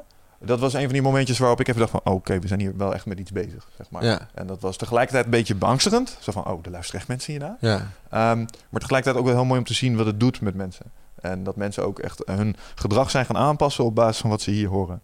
En dat we daar in die podcast Ja. heel concreet voor ons. Tenminste voor mij persoonlijk. Tegelijkertijd moet natuurlijk niet het gevaar erin schuilen dat jullie straks eh, alleen nog maar mensen dingen willen leren of zo. Nee, nee zeker niet. Oh, Want dat, eh, eh, een van de andere dingen die me heel erg aanspreken aan de podcast... en wat we ook wel terugkrijgen, is we hebben veel lol samen. Ja. En, en we discussiëren ook samen over dingen. En eh, dat is... eh, ja. ja, Einstein zei een avond zonder discussie is een verloren avond. Ja. Ik vind het denk- altijd zo wel leuk. Ja. Als ik kijk van de leukste podcast. Ja, het, weet je, wat ik het mooiste vind, ik ga het niet op één aflevering gooien, want het is hetzelfde verhaal. Ehm, maar het heeft mij zoveel geleerd, ook over Mm. mezelf. En als ik dan kijk naar mijn eigen persoonlijke groei in, het, eh, in de afgelopen anderhalf jaar. Ja, en alle mensen die daaraan bij hebben gedragen. Eh, met hun kennis of met hun... eh, Dus dit is wel- eigenlijk een soort therapie voor jullie, jongens. Ja, ja zeker Ik voel me nu ook echt op zo'n bank zitten en dokter Guido zit Ja, we hebben er heel veel zelf aan gehad. en We zijn persoonlijk gegroeid. En, eh, En eh, ik durf er buiten te komen nu. En, Ja. eh, Ja. Nee, maar vooral en natuurlijk de reacties die je krijgt, maar ook gewoon... eh, ja, het de- aantal likes is heel, heel eh, belangrijk. Nou, dat niet in Allemaal bevestigd. maar dan meer gewoon de persoonlijke berichten die we erover krijgen. Ja. En eh, eh, ja, als mensen inderdaad gewoon mailen dat het hem wat heeft gedaan of dat ze actie hebben ondernomen erop. Ja. Ehm, Ja, blijf dat melden Dat- trouwens. Dat, dat vinden we echt vind wel leuk. Dus, ja, eh, Nee, maar het is ook fijn om te horen dat, dat je niet alleen maar... Wij zitten nu met drie cameraatjes eh, eh, hier. Maar het is ook leuk om te horen wat mensen ervan vinden. Ja. ja. In, in het verlengde daarvan... Oh, Het- nog steeds weet je, het mooiste wat ik nog steeds vind is dat, eh tuurlijk, het is, een, het is succesvol en er kijken een hoop mensen en er luisteren een hoop. Ehm, maar dat had me niet tegengehouden om hier nu niet meer te zitten. Nee. Ik doe het nog steeds omdat ik het Ja. gewoon fucking leuk vind, weet je wel. Want ja, anders was ik jou waarschijnlijk niet Ja. tegengekomen. En eh, ja, dat is heel waardevol. Ja, maar dat, dat bedoel ik ook met... Ik ben niet bezig met de mensen die thuis aan het kijken zijn... op, eh, Ja. op de, de Ja. miljoenen kijkers op televisie. Dat maakt de voorstelling samen met dat kleine groepje niet anders. Nee. Je wil alleen maar samen lol hebben. Nou, de eerste twee, af, twee, drie, vier afleveringen waren we daar misschien mee bezig met het feit. staan. Maar nu ben je gewoon, we zitten hier met z'n drie te kletsen. Ja. En dat is misschien ook wel wat, wat het werkt.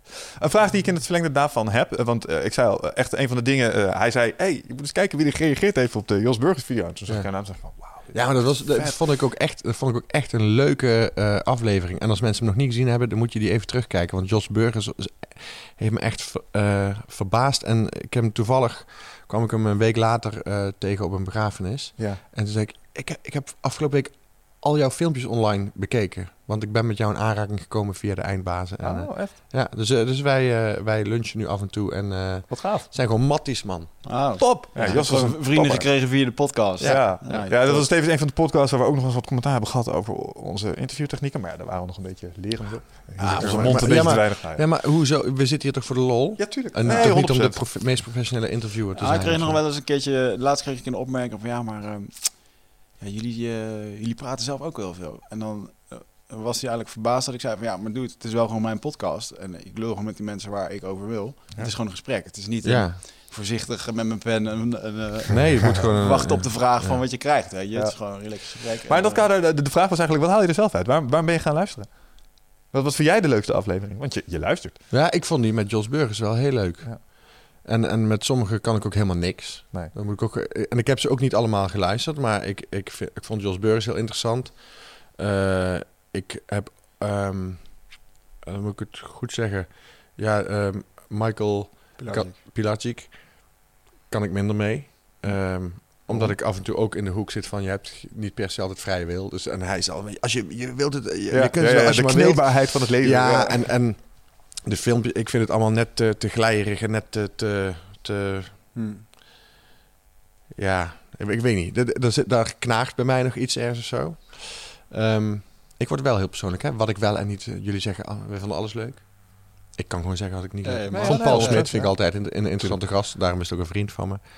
Maar ik vond Jos eh, heel leuk. Eh, maar, maar ik, als je vroeg wat ik nog een vraag had, dan heb ik nog wel één vraagje misschien. Want ik zei gisteren, hoi, tot morgen. en ik ben er zo zo laat. En toen kreeg ik meteen terug, oh ja, ja, gezellig, tot morgen, wordt lachen. Dacht ik, oké, wat is de verwachting van ons gesprek? Had ik misschien vooraf moeten vragen. Maar uh, ja, misschien is dat ja, dat wordt lachen. Ja, maar nee, ja. Oh, dat is een cabaretier, jongen. Die komt moppen. Uh, twee uur lang alleen maar lachen, jongen. Nee, ja, ik vind het gewoon... Ik vond het gewoon... Uh, je hebt mij. Maar ik... Ja, dat is echt hoe ik erin zit. Morgen komt Guido langs. Ja, wordt lachen. En ja, het wordt echt niet dat we dan hier twee uur lang moppen gaan lopen tappen. Dat is helemaal niet de verwachting. Maar, nee. Ja, maar bedoel, nou, ja, misschien was dat wel de verwachting. Nee, mijn, mijn, mijn, naar, kijk, je... ik, ik had er wel het idee dat je in een, in een hoek zat... Uh, uh, met, met Paul Smit en zo. Je, je denkt wat verder en wat, wat voorwerk gedaan in, uh, inlezen. Um, maar ik ben gewoon echt heel erg benieuwd. Ik was gewoon heel erg benieuwd naar wie de persoon Guido Wijzer is. En, ja. Ik moet ook wel zeggen dat een hele hoop uh, uh, mensen waar ik tegen zei van... joh, Guido komt, dat die echt... oh, tof, weet je. Helemaal lachen. Oh, ja. ja. lachen. Ja, maar Guido, oh, ja, ik ken hem eigenlijk... Want eerlijk zijn, ik kijk dus geen tv, dus ik heb echt heel veel van je niet gezien. Ja. En ja, bij mij was het heel erg van... ja, dat is dan die schele cabaretier die iedereen Mhm. kent. Mm-hmm. Maar ja, ik had gewoon zoiets van, uh, uh, ja, hartstikke tof. En uh, Jaap, ja. die zei ook nog, Jaap, die zei het nog vorige keer, ja, Bres, weet je, jullie moet doen, want jullie sporten veel, je moet Guido Wijs, moet je eigenlijk, nou, ja. ja. die komt volgende week, ja. De grap is dus, Patrick Kikker deed precies hetzelfde. Patrick die heeft ook wel eens een keer wat gemaild van, ja. leuk om een keer te komen, en Paul, en hij is natuurlijk ook, uh, like dit. Hij zegt, ja, weet je, misschien ook nog wel een leuke gast is, deed hij vorige week, ja, Guido Wijs, die ken ik ook wel, en die vindt dat non-dualisme ook leuk, en is fanatiek aan het sporten, dus dat past perfect bij jullie. Zo van, Patrick. Ah, dan was het, dan, dan was het dus niet eens Jaap die dat tegen mij zei, dan was dat mailtje. Dat was dat mailtje, ja. ja. Ja, ja maar niet grappig. Dus, dus het uh, moest zo zijn. Heeft, ja. heeft Paul Smit dus toch gelijk. Het moest zo zijn dat ik hier zat. Ja, helemaal top. Nou goed, het deed in ieder geval geen pijn en wij vonden het helemaal top dat je er was. Dus, uh, goed. Het deed in elk geval geen pijn. ja. nou ja. Of heb jij wel pijnlijk als nee, nee, was dat jouw manier om te zeggen? Was eigenlijk best een leuk gesprek. Ja, ja eigenlijk wel. Het deed, deed geen pijn. Het glas half vol, half leeg, hè?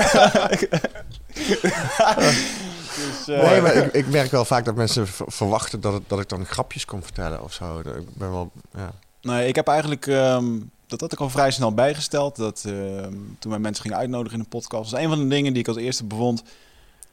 Dat iemand van een, je kent iemand niet van een filmpje. Nee. En dat is juist nee. ook de kracht van de podcast, dat je gewoon even twee uur lang kan kletsen over de dingen die je bezighoudt. In ja. plaats van altijd de lolbroek op televisie. Uh, dus het is wel zo, als je geen televisie hebt, dan uh, heb je tegenwoordig heb je online heb je een kanaal dat heet YouTube. Mm. En uh, als je daar mijn naam in typt, dan kun je ook wat van me zien.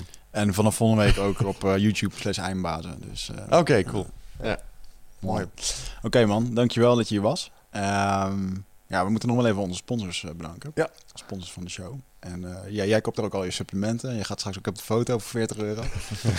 Nutrifit.nl Want uh, ja, we worden gewoon gesponsord door Guido Weijers. Die uh, ook zwaar aan, aan, aan, de supplementen zit. En mocht je natuurlijke supplementen voor je sporten willen halen, dan kun je die daar krijgen. Of als je jezelf een beetje wil helpen om in die flow te... Gebruik je wel eens Nootropics? Heb je wel eens gebruikt? Iets voor, je, voor die stofjes in je brein. Om dat beter te laten werken. Zodat je op je podium nog meer staat te 5 HTP. Ja, het werkt wel echt. Dus we gaan je gewoon wat sturen. We hebben oh, je bedoelt, maar de, oh, je hebt ook uh, uh, vier, vier nog. Maar dat is drugs, toch? Nee, nee, nee 5 HTP wordt geassocieerd met, uh, met ecstasy. Omdat het een, het is een supplement dat je kunt nemen om die Blue Monday of Tuesday. Nee, dat zeg zijn maar, gewoon die druppeltjes. Serotonine dip, zeg maar. Sneller oh. aan te laten vullen. Dat Dit zijn, de, de bouwstenen van die bouwstoffen. Oh, oké. Okay. Dat, dat zijn de druppeltjes in die emmer die jij beschrijft. Dat is toch de dinsdagdip? Ja, de dinsdag, ja, dat ja, was het, ja. ja. ja. Dus, uh, maar we hebben ook een aantal andere producten die je gewoon helpen om uh, gewoon, dat je brein gewoon beter, sneller werkt. Want het is gewoon zo, als jij een keertje slecht slaapt of wat dan ook, dan zijn die stofjes ook, ah, is dat weer uit de balans. Ja. Dus daarmee... Uh, ah, dus je zei er straks al, je gebruikt creatine bijvoorbeeld? Ja, nu niet meer. Nee, maar dan, je hebt creatine als wel ik creatine gebruik, dan ben ik echt nog drie, vier kilo zwaarder ja, ja, dan nu. daar En blaas je van op. ja. Maar creatine heeft bijvoorbeeld ook een, uh, een eigenschap dat het uh, uh, je korte en lange termijn geheugen pos positief beïnvloedt. Dus het doet ook iets met je hersenen naast dat het iets Ja. doet met je spieren. Ja. Dus creatine of visolie is ook zo'n voorbeeld. Ja. Uh, dus ga ervoor naar nutrofit.nl voor al dat soort dingen. En uh, als je het niks vindt, mag je terugsturen, krijg je geld terug. Dus dat is sowieso top. En um, ja, daarnaast gaan wij ook een dingetje doen in persoonlijk leiderschap. Hm. 12 Waves komt eraan, waarbij we 1 juli gaan beginnen. Het trainingsprogramma waarbij je in 12 weken helemaal op de rit gaan krijgen. En als je dat dan hebt, dan kun je vervolgens je geluk gaan zoeken bij uh, Guido. Is het, uh, en is dat fysiek of is dat uh, mentaal? Nou, er wordt Allebei. wel aangedragen dat, er gewoon, dat het fysieke er wel aan bijdraagt. Ja. Dus als Ja. je Ja. gewoon je shit op orde wil hebben, moet je ook gewoon je lichaam op orde hebben. Ja. Dus we gaan daar een hoop facetten af. Maar dat komt binnenkort allemaal online. Het begint in ieder geval 1 juni. En um, mensen die bij ons op de website gaan, dan kunnen tegenwoordig een e-mailadres achterlaten. En dan krijgen ze toegang tot unieke content. Want wij gaan jou zo meteen nog even twee vragen stellen.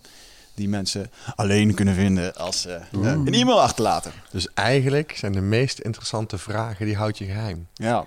We doen alsof. En vaak Ja, als doen we dan alsof. inloggen, denken oh, was dit het?